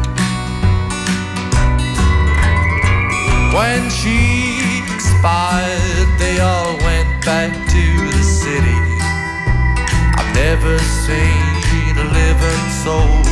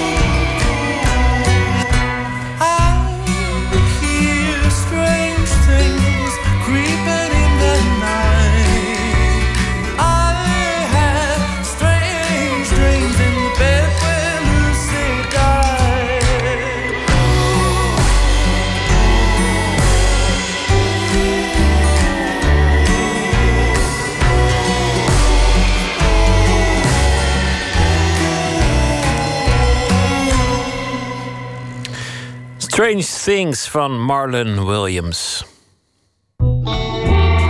Nooit meer slapen. Het was een klein artikel in NRC Handelsblad van vandaag. Het ging over teruggevonden oude ontwerptekeningen. En die werpen een nieuw licht op het ontwerp van het Amsterdamse schooltapijt in het Scheepvaarthuis. En dat staat ook in Amsterdam. Op zich allemaal niet wereldschokkend, maar er is meer aan de hand met die Amsterdamse school. Nachtcorrespondent Tom Klaassen, vertel. Ja, dat eh, kleine berichtje eh, was inderdaad eh, aanleiding voor veel meer. Dat verhaal van die tekeningen dat gaat over dat er nu meer duidelijkheid is over de rolverdeling tussen de drie architecten die samen dat scheepvaarthuis getekend hebben. Maar het zou bijna aan je voorbij gaan als je niet goed oplet. Dit jaar vieren we het 100-jarig bestaan van de Amsterdamse schoolstijl. Een eeuw geleden ontstond die kenmerkende bouwstijl met veel bakstenen en een heel ordentelijke regelmaat. Maar ook heel veel frivole details. Veel beeldhouwwerken, glas in lood, smeedwerk, allerlei verfraaiingen. Mooi.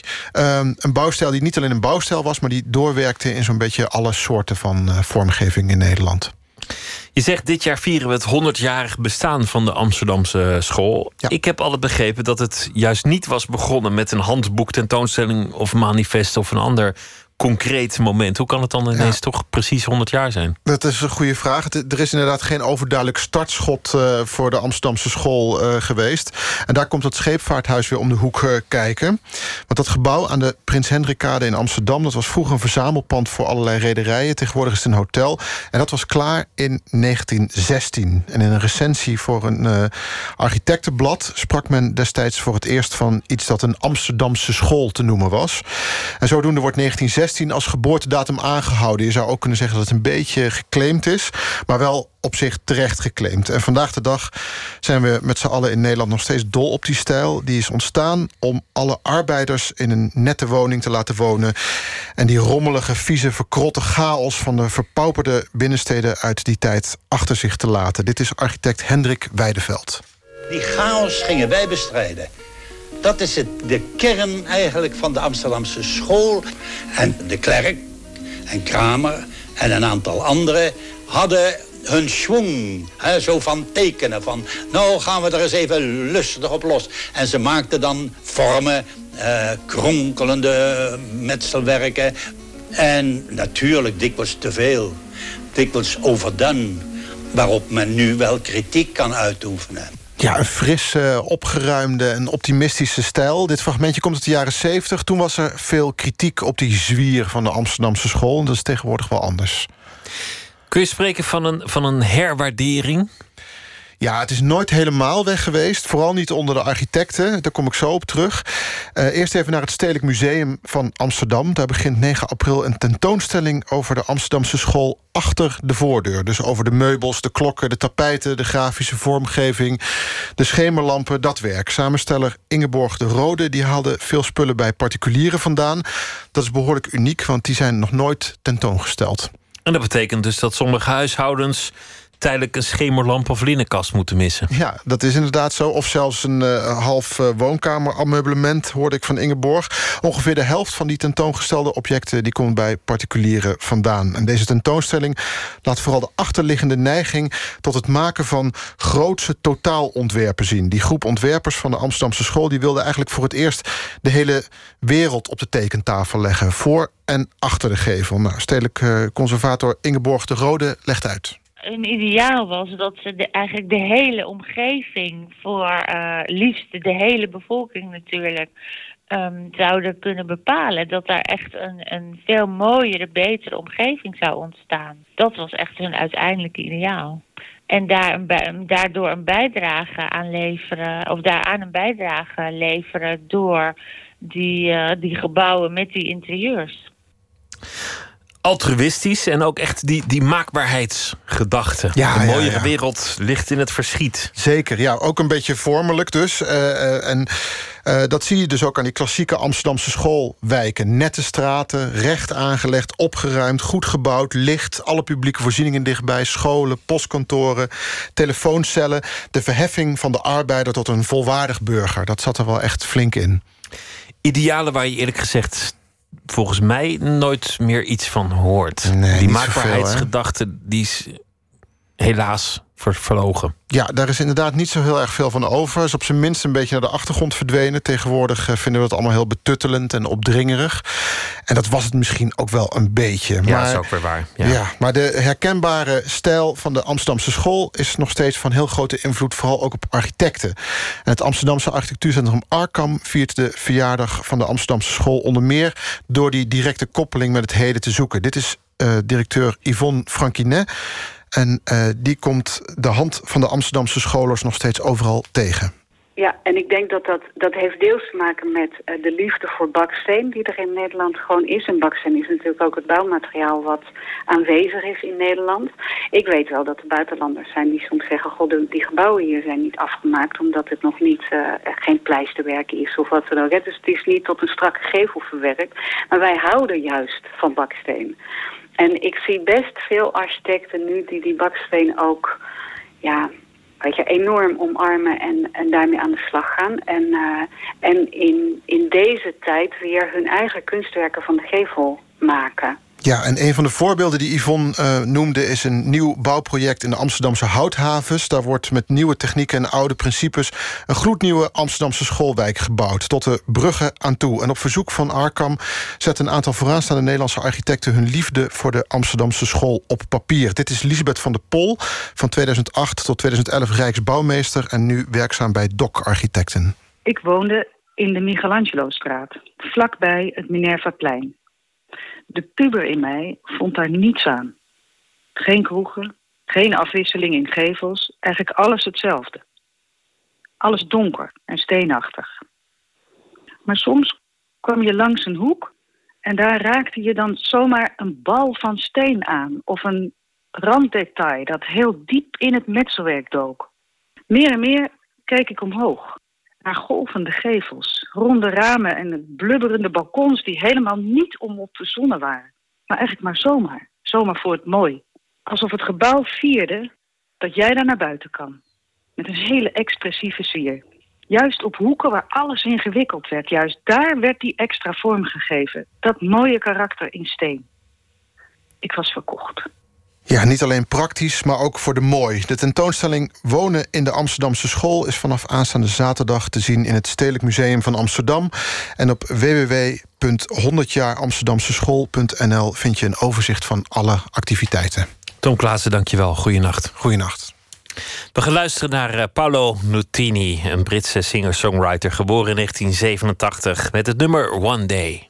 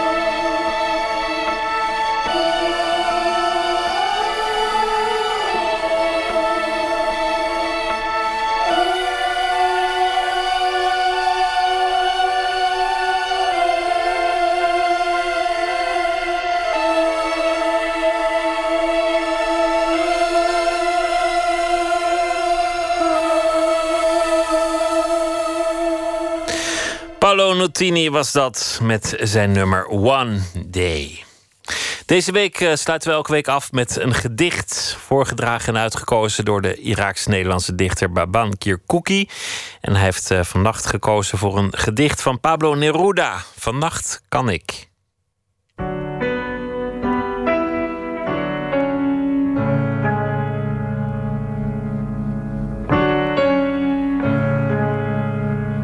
Ik lees het gedicht Vannacht kan ik van de dichter Pablo Neruda uit de bundel 20 liefdesgedichten en één van Hoppig Lied.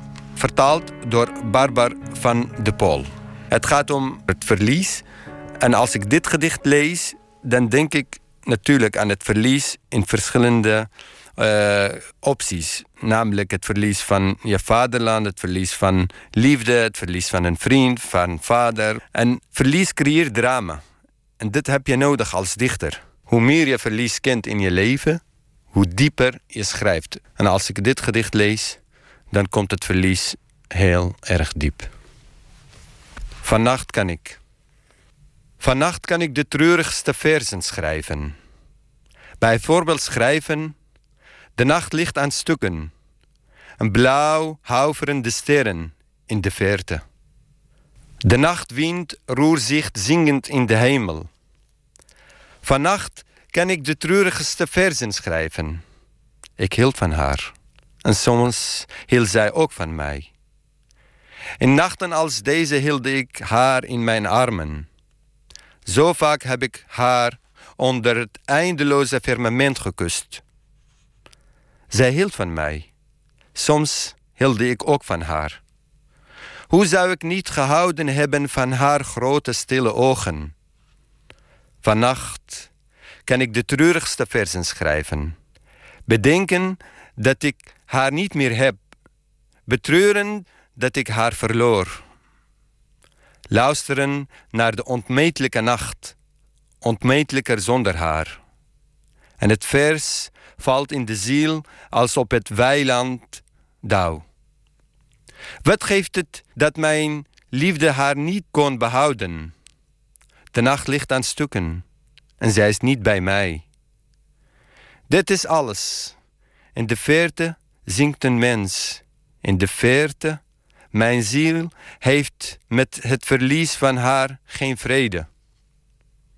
Alsof hij naar haar toe wil, zoekt mijn blik. Mijn hart zoekt haar, maar zij is niet bij mij. Dezelfde nacht maakt wit dezelfde bomen. Wij, die van toen, zijn niet dezelfde meer. Ik houd niet langer van haar, nee. Maar wat hielde ik van haar? Mijn stem zocht naar de wind om aan haar oor te komen. Een ander, een ander zal ze toebehoren, zoals ooit mijn lippen. Haar stem, haar duidelijke lichaam, haar oneindige ogen. Ik houd niet langer van haar, nee, maar misschien houd ik van haar. De liefde duurt zo kort en zo lang duurt vergetelheid. Omdat in nachten zoals deze ik haar in mijn armen hield, heeft mijn ziel met het verlies van haar geen vrede. Al is dit de laatste pijn die zij mij doet. En al zijn dit de laatste versen die ik voor haar schrijf. Vannacht kan ik een gedicht van Pablo Neruda, voorgedragen door Baban Kirkuki, een eh, Nederlands-Iraakse dichter die in 1999 naar Nederland kwam en in 2006 debuteerde als dichter. Dit was eh, Nooit meer slapen voor deze nacht. En morgen dan komt op bezoek Hendrikje Spoor. Zij eh, heeft een eh, boek geschreven. Frankrijk, een liefdesgeschiedenis. Want dat kan wel degelijk verliefd zijn. Niet op een persoon, maar op een land. En in het bijzonder een stad. De stad Parijs. Ze liet alles achter om te vertrekken naar die stad en dat land waar ze zo verliefd op was. Al liep dat niet altijd eh, uit op een romance die geheel wederzijds of heel erg makkelijk was. Het boek eh, dat ze daarover heeft geschreven heet dus eh, Frankrijk een liefdesgeschiedenis. Ze schreef eerder ook al boeken, Vader en Dochter bijvoorbeeld, over haar bijzondere verhouding met haar vader, de journalist André Spoor. Dat allemaal morgen in Nooit meer slapen en voor nu een hele goede nacht. U kunt ons bereiken via Twitter, het VPRO NMS. U kunt ons eh, liken op Facebook. En u kunt zich abonneren op de podcast vpro.nl slash nooit meer slapen. Of gewoon via iTunes. Zometeen op NPO Radio 1, Top Radio van de VARA. Ik wens u een goede nacht en morgen een goede dag. En ik hoop dat u morgen weer zult luisteren. Goeienacht.